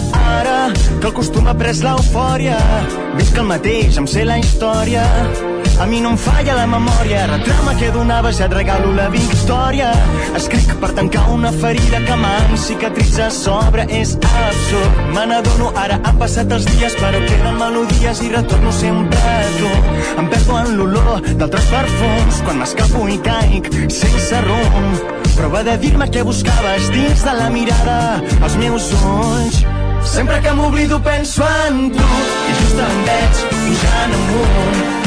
l'última vegada, abans ho desitjava, ara estic a punt. Sempre que m'oblido penso en tu i just em veig pujant amunt. L'última vegada, abans ho desitjava, ara estic a punt. Ei, no vull canviar el que ha passat. Sempre que m'oblido, penso en tu, això, si tinguéssim la Cristina Enfruns aquí, renyaria, uh, no sabem a quin grup. Uh, Li posarem, li posarem deures a la Cristina, Sí. efectivament. Uh, Però em sembla que tindrà feina. Em sembla que sí, sí, sí, sí. Uh, Vicenç Vigues, jo no sé pas qui són, eh? Tu potser tampoc, o Jo sí? tampoc ho sé. Per sort tenim l'Arnau Jaumira, eh? que és Sí. qui ens acosta cada setmana novetats discogràfiques d'àmbit nacional. Arnau, què estem escoltant? Doncs ens hem d'anar fins al Camp de Tarragona, anem fins al Baix Camp, eh, perquè aquests són el segona mà, es diuen, és així, és aquest, aquest grup de, de, del Baix Camp, que és el Això és perquè ja han tingut un grup abans i, i ara n'han creat un altre. no ho sé segur, eh? Tinc, tinc dubtes. Però el que sí que fan és 10 anys, o sigui, estan a punt de fer 10 anys, l'any que ve en fan, Carai. en fan 10, vull dir que ja tenen una trajectòria... Per ser de segona mà sí que duren. Sí, sí, així és, és el seu tercer disc de bons, llarga durada. és el seu tercer disc de llarga durada van treure Endinsa del 2016 Respira el 2018 i ara treuen aquest Erial el, doncs el, el 2020 uh, bé, és un, un grup que, que com dèiem, això, eh, fent un, ells diuen que fan un canvi important d'estil de, i que tornen a considerar com un debut eh? Mm. perquè doncs van, bé, fent un, un canvi ara ells es, es redefineixen això que escoltem ara com un rhythm and, rhythm and blues eh, americà, britànic que han, posat, que han adaptat una mica cap, a, cap aquí, eh? cap al cap al català. Home, semblaria més un pop així, sí, sí. Eh, electronicot, eh, sí, ells ho una mica així, discotequero, vuitantero, també. Ells ho defineixen així. Hem sentit una, una cançó només, eh? Això. Sí. sí, ells diuen que la que els defineix més, de fet, és la que escoltarem ara, que es diu Aquelles tardes, que és la, la, doncs una altra d'aquestes cançons d'aquest disc. De fet, és la cobra al disc, i segons ells doncs, és una de les que té la, la sonoritat que, que buscaven més, i és això, diu que ells amb aquesta cançó esperarien que la seva l'etiqueta, si és que els, els ha de posar alguna etiqueta, sigui aquest ritme en blues català. Comprovem-ho, doncs, si doncs és ritme en blues o no. Escoltem aquelles tardes, una peça, la cobra el nou disc del segona mà.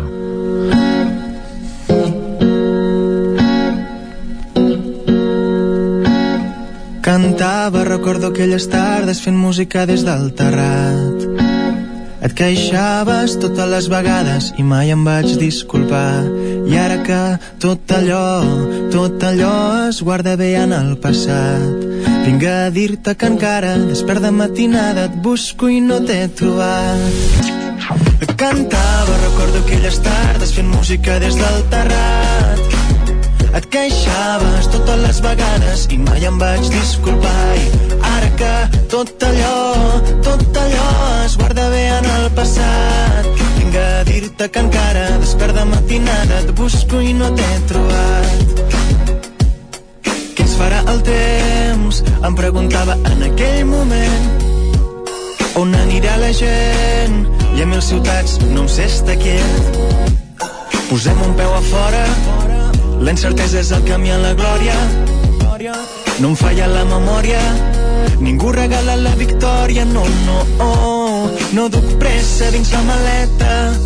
La vaig perdre i no em molesta. Fer-me gran no m'interessa i endinsa't que refresca, va.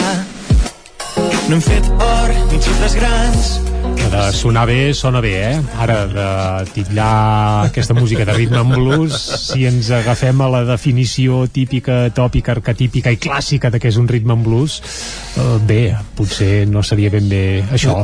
Ritme sí, però blues no gaire però vaja, escolta sí. uh, tothom defineix el que fa com vol eh? no, no cal ni dir-ho i a més sona bé sona bé, es patega bé això, eh Arnau? Sí, sí, sí, sona, sona bé que ho deies és això, eh? l'etiqueta la posen ells eh? és els que no, no, per que... això, per això que a vegades dius, ostres, sí, sí, què sí. feu, ritme en blues? Home, doncs senyors, bueno. senyors de segona mà, deu ser un ritme en blues de tercera o quarta mà perquè això no, no seria ritme en blues però vaja, bueno. escolta, tothom fa el que vol sí, sí, sí. hi ha grups que s'enfaden moltes vegades perquè els hi posen etiqueta etiquetes i els defineixen d'una manera o d'una altra, n'hi ha sí. d'altres que ells mateixos s'autoetiqueten i llavors es posen l'etiqueta que volen, no? no, escolta, Correcte. també és... poden dir que fan heavy metal, perquè no? Perquè hi ha una guitarra amb distorsió amb una peça i...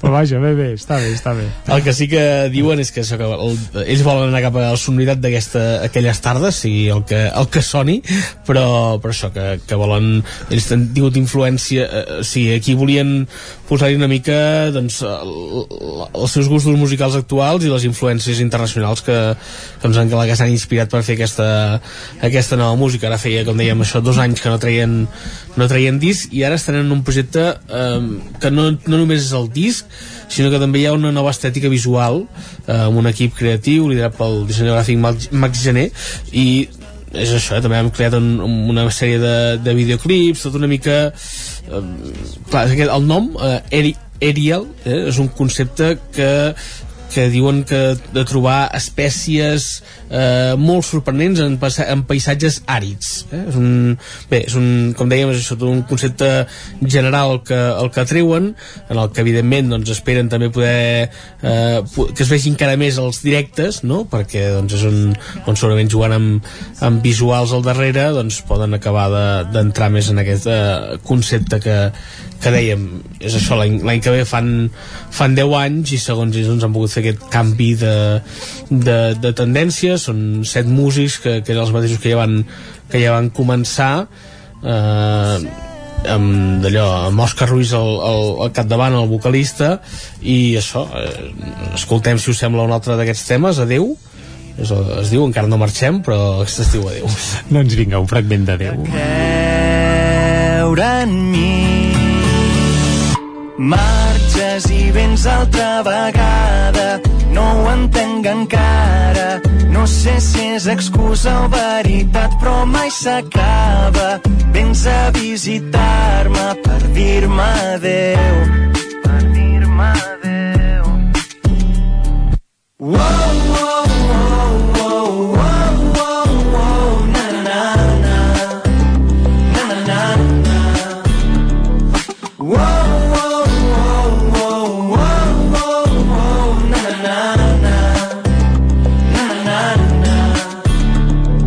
calaix postals i cartes, records antics d'aquells paisatges. Penso en la vida i veig urgent estimar-me a mi abans que altra gent.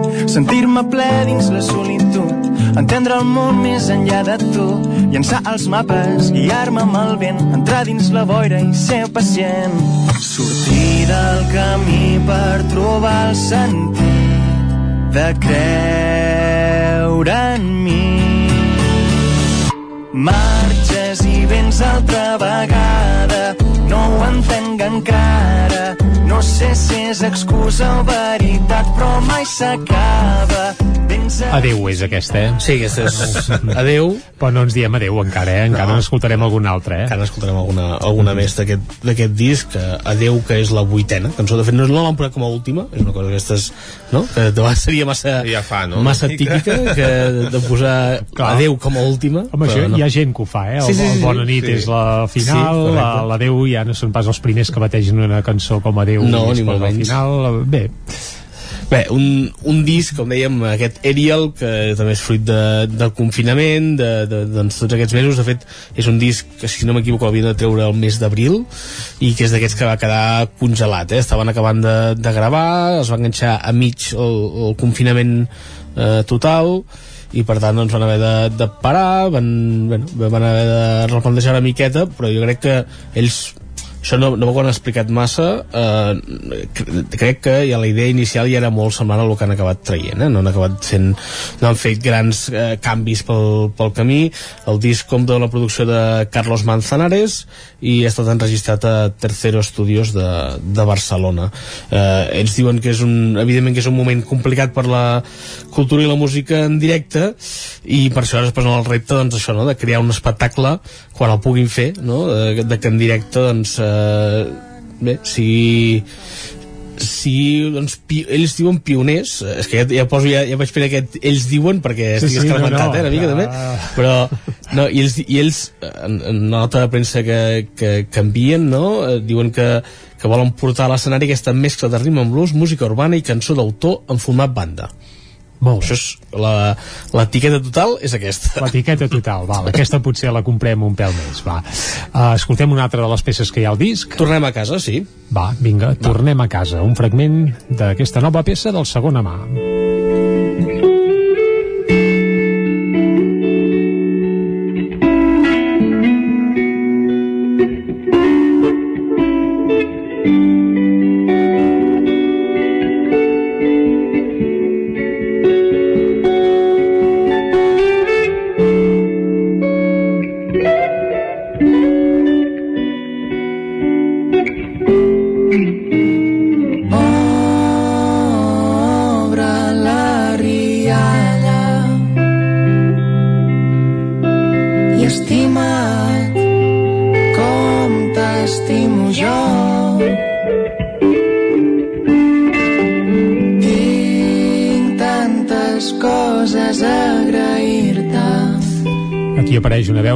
Femenina i tot, eh, Arnau?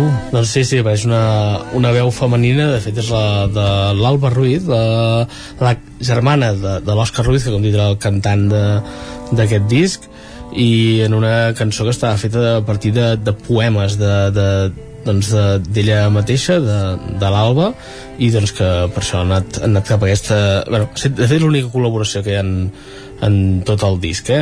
el tema Tornem a casa eh, doncs el, el, van, el, el va dedicar al cantant l'Òscar Ruiz de la seva germana fa, fa dos anys i ara doncs el, el que han fet en aquest disc és portar-lo doncs, cantar-la conjuntament tots dos a, a, a l'escenari. De fet és un eh, el canvi aquest de només tenir una col·laboració doncs contrasta amb el disc anterior on hi havia diverses col·laboracions alguna d'elles amb Charango, amb Che Sudaka. Arnau, tenim tant... 15 segons eh, per recordar que el disc és de segona mà i que es titula Ariel Ariel, uh -huh. doncs ho hem de deixar aquí. Moltes gràcies, la setmana que ve t'esperem amb més novetats. Molt bé, fins la setmana vinent. Vinga, marxem amb un fragment del segona mà, una pausa. Quan veig el meu carrer rellotge aturat. Territori 17 el nou FM, la ràdio de casa, al 92.8 L'Auditori Teatre de Calldetenes presenta Paraules encadenades, de Vitó. El 28 de novembre a les 9 del vespre, Paraules encadenades, a l'Auditori Teatre de Calldetenes. Cocodril Club. Si t'agrada la bona música dels anys 60, 70 i 80, escolta el 9 FM als matins de dissabtes i diumenges d'11 a 1. És el temps del Cocodril Club, tot un clàssic de la ràdio, amb les bases del pop-rock, les llegendes, les cançons que s'han convertit en autèntics himnes. Recorda, dissabtes i diumenges al matí, d'11 a 1, al 9 FM 92.8. Cocodril Club, el programa revival de l'Albert Malla. Hasta luego, cocodrilo. La Fogonera, resistència gastronòmica. És un restaurant? És un rostidor? És La Fogonera, la cuina en directe des de GURB, on encarregues, ho vens a buscar i ara també t'ho portem a casa. La Fogonera, resistència gastronòmica. Ara amb la fogonera de dia, amb aperitius, arrossos, segons plats i postres. I quan cau la nit, ens transformem en un popurri culinari. Búrguers, pizza, pasta, Truca al 93 851 55 75 o entra a lafogonera.cat. La Fogonera, el teu aliat gastronòmic. Cobertes serveis funeraris. Els nostres tanatoris estan ubicats en els nuclis urbans més poblats de la comarca d'Osona per oferir un millor servei. Tanatori de Vic, Tanatori de Manlleu, Tanatori de Centelles i Tanatori de Roda de Ter. Sabem que són moments difícils i per això el nostre compromís és atendre-us en tot moment amb un tracte humà, sensible i respectuós. Cobertes serveis funeraris. Telèfon 24 hores 93 883 23 46. Vols trencar amb l'oligopoli de l'IBEX 35? Apunta't al consum estratègic i comença a consumir serveis catalans. Per això et convidem a omplir el dipòsit a Petrolis Independents. A Osona ens trobaràs al polígon Mas Galí de Vic i a Centelles just després de la sortida sud. Si vols factura, entra a la nostra pàgina web petrolisindependents.cat i dona't d'alta. Comença a ser independent. Tenim la força de l'amor. No em trec la imatge dels nens amb cara de velocitat baixant per la pista vermella. Sí, molt divertit. I quin fred. Uh. Tranquil·la, he deixat l'estufa encesa i la casa està calenta. Sempre tenim sort de comptar amb Corretja. Són especialistes en aïllaments i estufes. Acabar la jornada d'esquí amb la família al voltant de l'estufa i amb aïllaments de primera és 100% Corretja. Corretja. Tot i més a corretja-sl.com. El nou FM, el nou FM, el nou FM, el nou FM.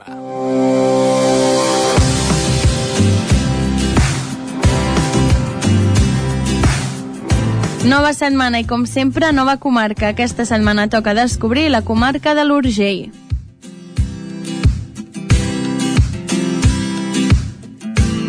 L'Urgell és una comarca d'interior situada a la plana de Lleida, molt accessible i ben comunicada, que posa a l'abast del visitant tots els seus valors culturals i paisatgístics en un entorn que conserva la seva genuïtat. Allunyada del brugit dels nuclis turístics per excel·lència, l'Urgell aporta uns valors cada cop més preuats per a aquells que cerquen els recer, la calma d'uns pobles i uns paisatges autèntics. Tot i l'aparent uniformitat del paisatge, es poden distingir uns sectors físicament molt diferenciats. La vall del riu Corp, la conca del riu d'Ondara, la ribera del riu Sió i el sector de la plana de l'Urgell. Cadascun d'ells, amb un caràcter propi, aporta uns trets paisatgístics singulars que us convido a descobrir. La capitalitat de l'Urgell és exercida per Tàrrega, que juntament amb Agramunt i Bellpuig aglutinen bona part de l'activitat econòmica i cultural. Són nuclis amb una àrea d'influència que s'estén més enllà dels límits comarcals per la seva oferta de comerç i serveis i pel seu dinamisme.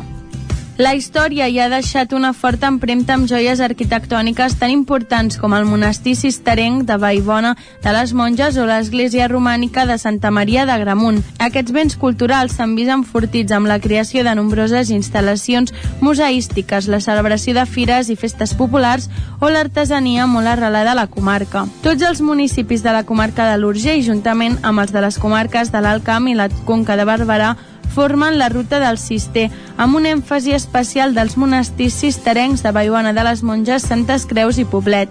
Les rutes senyalitzades a peu o en bicicleta són una bona manera de descobrir tot l'encant de la natura en qualsevol època de l'any. La comarca de l'Urgell està situada al mig de les terres de Ponent, a la depressió central catalana i a una altitud mitjana de 350 metres. Comprèn 20 municipis, 3 entitats municipals descentralitzades i 20 pobles agregats, amb una extensió de 586,91 quilòmetres quadrats i un total de 36.243 habitants. L'Urgell és una terra planera, inclinada cap a ponent on destaquen les planes que s'esglaonen des a oest i els tossals modelats pels rius i les rieres. Els rius que creuen la comarca són el Corp, el Sió i el Dundara. El clima mediterrani continental manifesta forts contrastos entre l'hivern i l'estiu.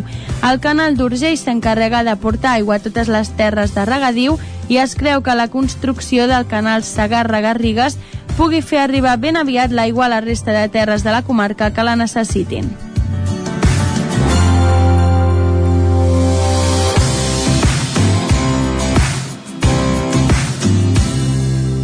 Territori 17. Doncs aquesta setmana, Vicenç, que ens acostarem a descobrir la comarca de l'Urgell, una comarca molt bonica, evidentment. Ah, per que, suposat que sí. Que, per cert, mirarem de no visitar durant els propers dies, però esperem que, el, si més no, l'any vinent hi puguem anar a fer un tom que, que pinta bé, pinta bé. Anem cap a l'R3? Doncs ara anem amb tren. Va, anem-hi, vinga. A Tren d'Alba, cada dia els usuaris de la línia R3 de Rodalies que veuen sortir el sol des d'un vagó ens expliquen les gràcies i les penes del primer comboi que uneix Ripoll i Barcelona. Benvinguts a Tren d'Alba. Doncs avui ja us explicaré quins són els acords del ple de Vic en relació amb la moció conjunta sobre la millora i el desdoblament de la línia R3. En primer lloc, s'ha de definir l'ampliació i el desdoblament de l'R3 com una obra estratègica de país per avançar en la cohesió territorial i social i millorar la qualitat de vida i el benestar de la ciutadania i reforçar-ne l'activitat econòmica. Tot seguit, reclamar a Adif l'execució de les obres anunciades i compromeses i també que els pressupostos de l'Estat del 2021 contemplin les quantitats i partides necessàries per iniciar de manera urgent les obres i que es desenvolupin de seguida sense dilacions fins a acabar la remodelació total de la línia. Demà us n'explicaré les altres tres, però ara us deixo amb la detallada crònica de la Núria sobre el trajecte d'avui fins a Barcelona. Bon dia des de la R3. Avui la Núria us saluda, havent arribat 10 minuts tard a Barcelona, quan el tren ha sortit de Vic només uns 2 minuts tard. La temperatura és força agradable, tenim 15 graus, i a Vic tampoc és que hi fes excessivament fred ni boira. Bé, hem començat el dilluns eh, d'una manera normal i tranquil·la. El tren per variar era curt, per tant només hi havia tres vagons, hem arribat a Barcelona com sardines, gent dreta, tots els seients ocupats, cap mena de distància, vaja, un despropòsit més, un dia més. A part d'això, què us puc explicar avui del trajecte? Doncs que ha assegut a davant meu una noia que anava vestida completament texana, portava un peto texà, una jaqueta texana, amb una camisa texana. Bé, anava tot ella com una mica encarcarada, perquè el texà era d'aquest dels anys 80, així gruixut i ferm, però bueno, si li agradava, escolta, cadascú. També ha entrat la noia gòtica, d'aquella dels cabells verds, avui ja no era tan fairy, era un color una mica més que xumbo descolorit, però l'he pogut observar de molt més a prop perquè això, seia el seient del costat. Bé, us explicaré una miqueta la seva indumentària perquè he tingut temps de mirar-me-la i la veritat és que era tota curiosa. Portava botes militars fins al genoll, ben pintades, o sigui, bé, no tot ella anava vestida negra, les botes estaven impecables, a sota, bueno, a sota, continu continuació portava unes malles, uns leggings negres amb forats, però forats fets expressament també. Portava una faldilla que transparentava, que era de forma de taranyina. Portava una mena de cinturó ronyonera amb moltes butxaques, així de potser disseny militar, però òbviament també tot negre. Un jersei amb una espatlla generosament descoberta. Portava també una bossa amb un ordinador o alguna cosa així. Una jaqueta de pell negra, més aviat abric. I al cap, això que us deia, el color ja no era tan fiery, era més aviat un verd descolorit tirant cap a blau o, bueno, més apagat. Portava el serrell a capes, portava un serrell que li tapava fins les celles, un altre tros que li tapava fins més amunt de les orelles i la resta dels cabells llisos i planxats fins a les espatlles i les arrels negres. Bé, una indumentària, ja us dic, sempre la trobo curiosa i que dona una mica de vidilla al viatge cap a Barcelona. No tinc res més a explicar-vos avui, desitjar-vos molt bon dia, que tingueu molt bona setmana i aquí als Torrebaró els llums del carrer encara estan encesos. Una vegada més us saluda la Núria des de la R3. Bon dia! Aquesta noia gòtica que has descrit amb tanta precisió segur que s'hi reconeixerà si escolta la crònica d'avui. Qui sap, potser s'anima a fer de cronista per un altre dia si l'agafa regularment. Va, en retrobem demà i recordeu que ja portem un retard acumulat de 5 hores i 12 minuts des de l'inici d'aquest mes de setembre. Territori 17.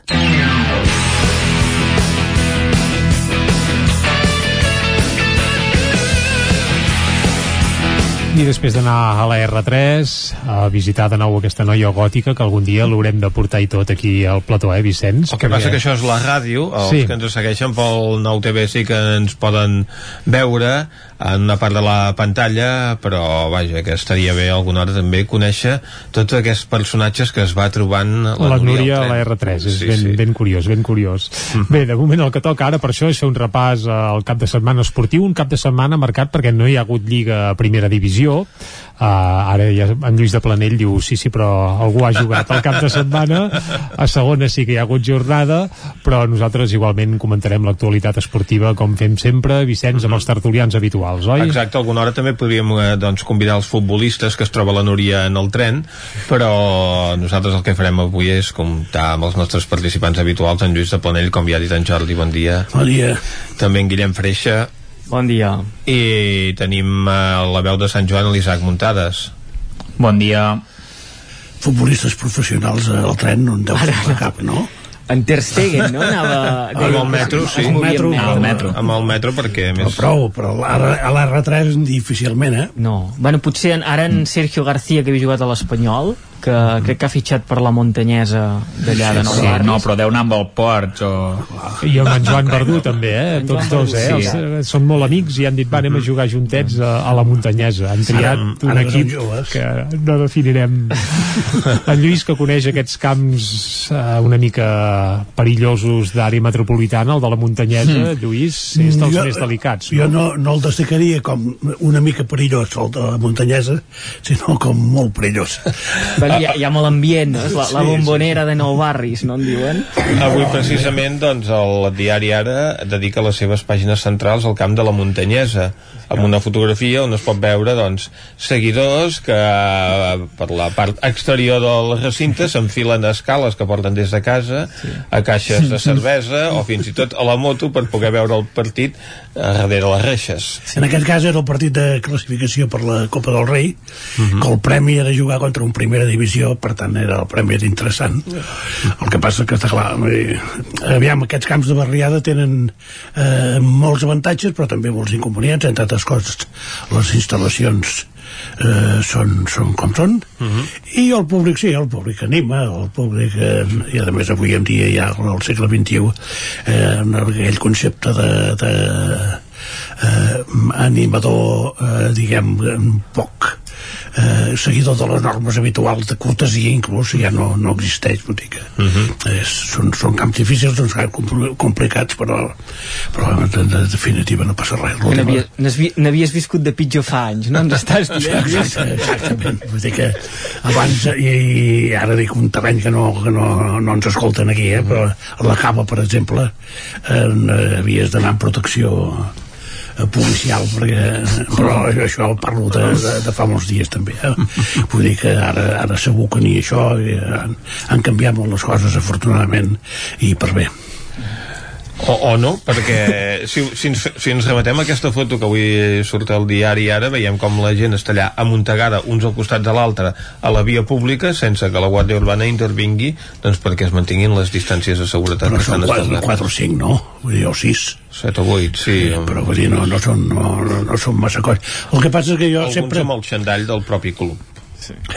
jo, jo sempre he pensat que, que en, per exemple, a camps grans eh, no, no passa res eh, en aquesta eh, que, que era l'octubre es va jugar un, un Vic Manlleu mm. i, i hi havia déu nhi la gent que hi havia en faltaven molts dels habituals perquè, perquè eh, la gent té por però déu nhi la gent que hi havia i jo diria que no, no es va produir cap que, cap eh, problema eh, sanitari en aquell partit perquè el camp del Vic és prou gran mm -hmm. perquè la gent es pugui repartir i no, no, no hi hagi o sigui, hi, hi hagi la distància que hi ha d'haver o que recomana que hi hagi en aquests casos tothom anava amb mascareta vull dir que jo, jo diria que el problema no ve d'aquests camps de, de, de categories inferiors uh -huh. on hi poden haver no sé, 100, 100 200, 300 o, o 1.000 persones fins i tot.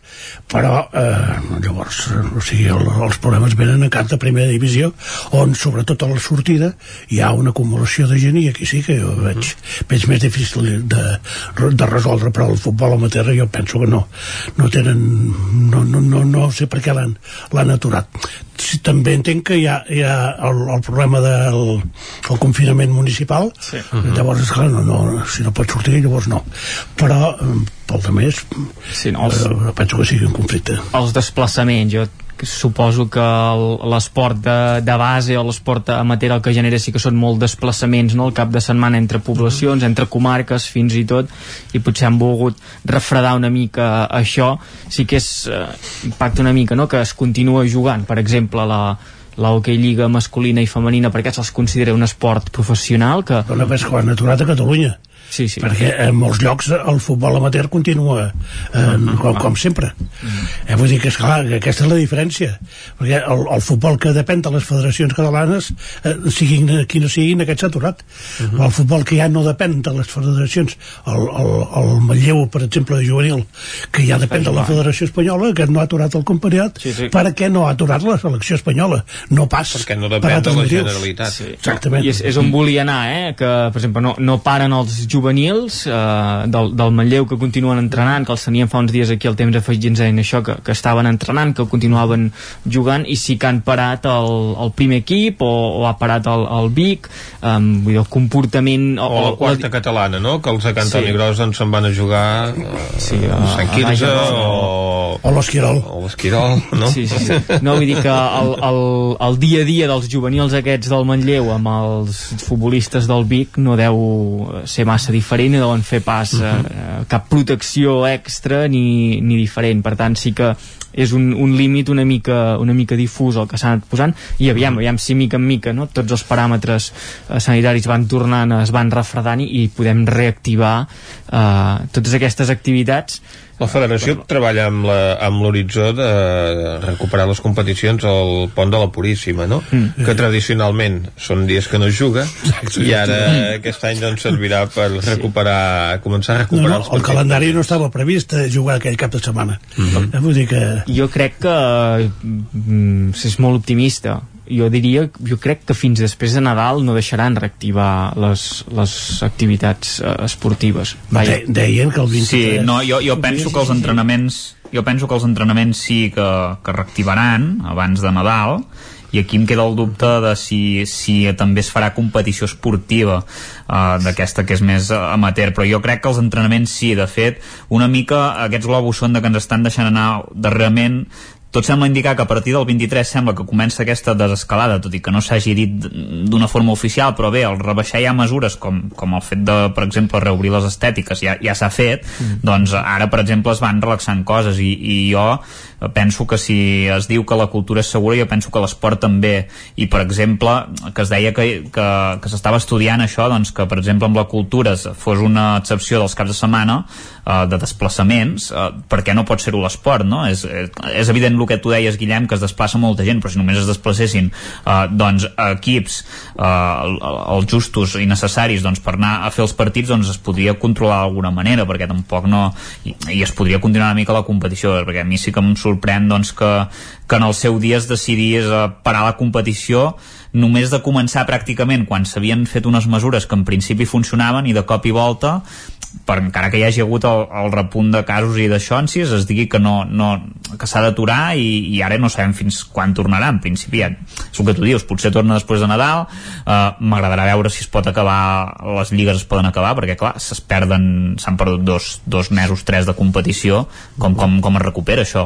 No sé si m'ho podeu explicar perquè jo no tinc ni idea. El que també serà complicat és l'equilibri entre això que deies ara de, de, de fer entrenaments o fer entrenaments i partits eh, mm. en la base, si reactiven els entrenaments i es reactiven només els entrenaments, doncs es poden, per exemple, reactivar les, les quotes, però amb els primers equips, si es reactiven ah. els, els entrenaments, vol dir que els 100 euros de gasolina que pagaves en els jugadors -huh. mm, s'han de tornar no? a, a pagar, però en canvi si no competeixes, pf, en el club eh, li estàs fent una mala passada perquè li estàs obligant a pagar la despesa de, de ja et dic, eh, d'aquests eh, 50-100 euros que pagues a cada jugador en, en la majoria dels, uh -huh. dels casos en, en, en la plantilla, però en canvi no tens la font d'ingressos del cap de setmana de uh, les la tira del pernil, no? Exacte, o l'entrada que, que venies o, o el que sigui. És que bueno, I les llicències, i les llicències que s'han hagut de pagar a sí, principi sí. de temporada, eh, que això també ja és una altra història, eh? Llicències i mutual, que l'assegurança que té el futbolista sí, sí. Per, per, que aquest, aquest és el, el CAR. De totes maneres van reunir eh, alguns clubs de, de la zona de Lleida i van demanar a la federació de no jugar eh, partits a porta tancada precisament per això, no? per, perquè no es feien diners pels pernil, eh, la tira uh -huh. del mhm. pernil i, i no, el que cobra entrada. De totes maneres, clar, això és, és, és complicadíssim perquè en aquests moments la tercera divisió i la segona B, eh, almenys a Catalunya s'està jugant a porta tancada mhm. -huh. Per tant, no hi ha tira de pernils i ni hi ha entrades. No. I a tercera I... hi ha gent que va molt justa, no? Exactament. I que també, però vull dir que... I els àrbitres els has de pagar igual. Ah, Vull dir que, esclar, això és, són una, unes despeses fixes que ja tens, a part de, del que cobren els jugadors, que no els pots recompensar de cap manera, perquè, a més, els socis com els hi vols cobrar?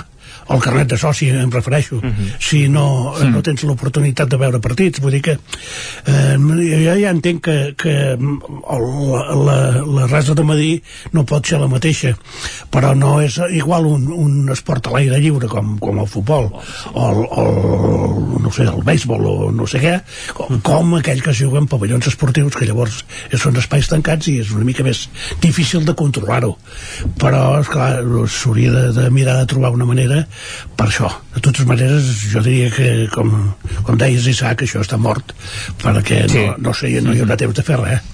Uh mhm. -huh. No, no, no.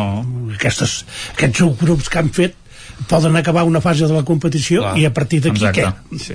Exacte, exacte, sí, bueno, sí, sí. S'haurà de decidir, no?, en funció de quan acabi una primera fase de competició exacte. en què pugui... Si s'enfronten els, els caps sí, de grup primers... o si entren a, amb possibilitats de poder lluitar això... pel títol de Lliga i dels ascensos, doncs més equips. Mm, més això, o fer-los o fer la, la marranada, per dir-ho així de, de manera barruera, de, de jugar molts partits entre setmana, cosa oh. que amb equips d'aquestes ah, categories no. és no, no. pràcticament inviable, vull dir, es pot recuperar un o dos partits entre setmana, això sí que durant l'any els, els, els, els equips amateurs a vegades juguen algun dimecres per recuperar algun partit, però clar, no hauries de recuperar estem parlant de 6-7 partits o com a mínim, vull dir que ja, això ja és més d'un mes de competició. No? I, I, els clubs Clar, fas la punyeta ens... igual, perquè tampoc sí. podran tenir doncs, espectadors, tampoc podran fer el sorteig al pernil, etc etc perquè entre setmana no hi anirà ningú, i més en ple hivern, que és quan es jugarien aquests partits entre setmana. I ara, ara poso uh, l'exemple dels, dels quatre equips usonencs de primera catalana, eh,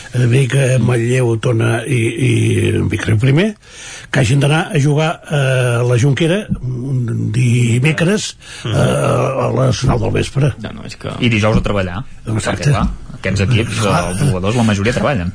com ho, com, com ho organitzes, diguem, la jornada laboral per ser, eh, com a mínim, una hora abans eh, eh, eh, eh, a la Junquera. Per tant, vol dir que has de marxar a quarts de set d'aquí i llavors a l'hora que tornes Sí, sí. sí, però vull dir que a l'hora que tornes, imagina't, el, sí, sí. o sigui, estem parlant... I que tot el que hem estat promocionant d'intentar la traçabilitat dels jugadors, que detectar casos de positius, si jugues cada dos dies, es, es, tot es revoluciona, no? I, i encara és, és més complicat. Eh... A més, la federació deia, si no hi ha 50 quilòmetres, els, els jugadors visitants que vinguin vestits de casa Uh -huh. Clar, això és una altra, una altra complicació afegida. Uh -huh. sí, vull dir que, a més, vull dir, no... El, el... O sigui, vestit de casa i amb, i amb la jaqueta de pell posada a sobre, no? Sí. no, perquè sí. un jugador pot ser pot jugar eh, amb el Vic, però viure eh, no sé on. Sí, sí. sí, sí. com la canalla, no?, que els vestien a casa, o que els vesteixen a casa sí. els pares. O amb el, amb el, amb el Barça encara passa això, eh? Sí. que venen vestits de casa. I sobretot no. se'n van vestits de casa, però, esclar, eh, és, és complicat, és complicat. Ja, ja ho entenc, eh? Però hauria de fer alguna cosa per, per salvar-lo perquè dues temporades així és, és, és, sí, sí. és, és difícil d'argumentar i la Federació Espanyola de, de, Catalana de Futbol moltes coses té però eh, imaginació no en té gens i no ha, tro, no ha sabut trobar cap solució eh, positiva eh? Uh -huh ens queda la, la segona divisió A no? aquesta setmana no? ah, això sí el futbol sí. per, per, la, per la tele no serà que l'Espanyol hagi guanyat, que estiguis tan content. No. Home, eh, ara no ens carregarem a, l'entrenador. Però va líder, no, Lluís? Ara no ens carregarem sí, l'entrenador. El, el porter, no, va líder i amb dos punts d'avantatge, vull dir que... Clar, clar, vull dir que... No ens carregarem el porter per, per una errada que va tenir una rada infantil, per exemple, eh, per cert, amb un, amb un jugador de 30 i pico d'anys, que també és... Però n'ha salvat moltes, per tant, no cap, cap mena de problema, i l'única cosa és que aquesta lliga s'acabi, perquè això és un desastre absolut, perquè no, no segueixo gaire la, la segona divisió però sí veig els partits dels equips catalans i veig el Girona per exemple de que a part de, del gol que li anulen que és, és, és, és més que discutible però el tipus de futbol que es veu. No, no, és lamentable. és eh, però horrorós. Sí, sí, sí. horrorós. I no solament a segona divisió sinó en molts partits de primera també. Però que estem parlant de segona doncs, doncs eh, el Sabadell per exemple doncs, eh, en el moment que, que més ocasions ten... bueno, no, que més dominava el partit perquè ocasions no en va tenir cap o una eh, envia una pilota al, al, a la creueta i, i pràcticament a la contra el, el fa el gol de la victòria amb l'únic xut que, que envia el Logrollers entre els tres pals amb una mica de sentit uh -huh. i llavors vull dir el futbol que, que es veu avui en dia no, no sé, per, jo insisteixo que és per, per la falta de públic perquè els jugadors no tenen prou estímuls per fer -huh. més del que fan i això és un autèntic desastre eh? Sí, no, jo crec que l'exemple de que segona les propostes eh, diguem agarrades i, uh -huh. i poc agraïdes triomfen ho veiem en els equips que han anat pujant a primera divisió els últims anys jo crec que pràcticament dels últims 6-7 anys eh, dels tres que, que pugen en trobaríem un que puja per, no et diré de rebot, però sí que amb una proposta de total antifutbol o colant-se en l'últim moment i fent un playoff eh, realment defensiu i, i a no jugar res i aprofitant això, eh, una vedada de, mhm. de l'equip contrari i la segona, la segona A és, és, és dura en aquest sentit per, per l'espectador i per als eh, equips que intenten o volen jugar una mica a futbol els és, els és molt, molt complicat això, eh? propostes eh, ultradefensives i, i triomfen i el que s'ha de fer és intentar-ne sortir el més aviat possible l'Espanyol va camí de, de fer-ho però per exemple tenim un Girona que eh, aquest mm. any està competint a, a un nivell acceptable i està cosit a, a expulsions que costen, algunes costen d'entendre, a gols del bar que també no, no s'acaben d'entendre de, de, de, del, del tot i és, és molt complicat competir, competir d'aquesta manera. I la setmana que veiem el derbi no? espanyol. Divendres no? divendres espanyol, espanyol Girona. Girona, mm, aviam, jo crec que aquí sí que hauríem de, això que estàvem parlant d'aquestes propostes poc agraïdes, que es vegi un partit una mica amb, amb cara i ulls, jo crec que el Girona pot posar-hi aquest, uh, aquest uh, estil i l'Espanyol ja hem vist que està jugant a segona A però que per proposta de joc i per, per jugadors hauria d'estar més, més amunt. Veurem, a mi em sap greu això del Girona, eh, que se l'està cosint a decisions arbitrals uh -huh. que no, no s'entenen, coses que s'arbitren en un partit d'una manera, després eh, amb ells els impliquen d'una altra, aquesta setmana una entrada a, a Sila, el, el davanter que se l'emporten per davant, no xiulen res, fa una setmana Monchi fa la mateixa, Moncho fa la mateixa i, i l'expulsen, al bar tornem a estar amb allò de que si vas parant i, i engegant l'acció eh, eh, llegia un tuit de Cargol que deia no, no, no s'hi pot veure la inèrcia de, de la jugada si vas parant i engegant eh, l'acció com, com vols. Vull dir, és, és un, un despropòsit. No sé, veurem veurem si si en poden en sortir-se'n el, el Girona jo en el cas del Girona vaig pensar si la jugada és al revés uh -huh. si la falta, la, la falta fensa és xulo penal no, no, és clar. I, i, i jo mateix em vaig dir que no. no, no. Per, per tant, eh, al revés, doncs, eh, havia de ser gol. Però... És això que tornem a estar en allò que deies tu sempre, no? que primer, primer xiulen el gol, l'àrbitre del bar li diu, ep, mira tu, i l'àrbitre del camp ja fa ostres, eh, que potser m'he equivocat sí, sí. per engegar, per engegar, per engegar. Ostres, doncs sí, sí, m'he equivocat, m'he equivocat esclar, això és un despropòsit. Vull dir, no, no, no, no té cap mena de sentit. Jo entenc que mm, si la pilota ha entrat o no eh, si un fora de joc eh, i aquestes accions sí que el, el bar hi podria intervenir i podria fer justícia en aquest sentit perquè a més és fàcil perquè si vols tirar bé la ratlla que ja sabem que a vegades no la vols tirar bé però si vols tirar bé la ratlla eh, Lluís? sí però ja, ja però... perquè jo crec que amb els fora de joc n'hi ha hagut algun que està a costat d'entendre si era fora de joc eh, per al tema de les ratlles i perquè no es, es tracen d'una manera una mica estranya a vegades no hi ha la imatge bona bona del tot a segona i passa hi ha... això que no hi ha les Sí, càmeres sí. del cantó de fora de joc moltes vegades es miren els fora de joc des de que- la càmera central que, que clar, també Vull dir que això ja, sí, sí, però jo ara, per exemple, estic parlant d'un cas de primera, eh, de l'any passat, eh, d'un partit no, no, no gaire important, eh, un partit del Camp Nou que va, van acabar amb empat a 0 el Madrid i el Barça i Una que va haver prodigiosa, l'Isaac. va, va haver una jugada amb un gol de Bale que, que encara estic esperant que m'ensenyin la repetició del fora de joc, eh, perquè jo no, no, no sóc capaç de veure A més, en Bale. una vista que no, no la tinc gaire bona, no? Ja sabeu que porto ulleres i llavors sí, sí. doncs no... Però, però sí que estaria bé, eh? Perquè no, el bar no acaba de- d'anar com el primer any. El primer any més o menys va anar més o menys bé perquè intervenia quan havia d'intervenir i ara intervé... Sí.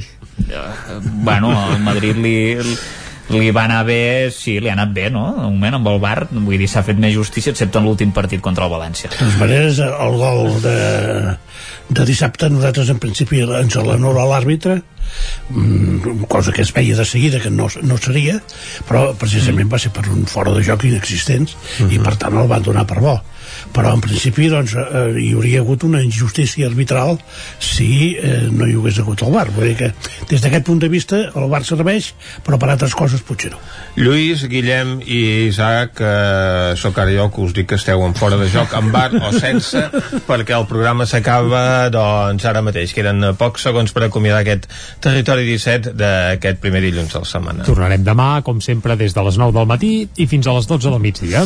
Adeu. Siau. Territori 17, un magazín del nou FM. La veu de Sant Joan, Ona Codinenca i Ràdio Cardedeu amb el suport de la xarxa. El nou FM.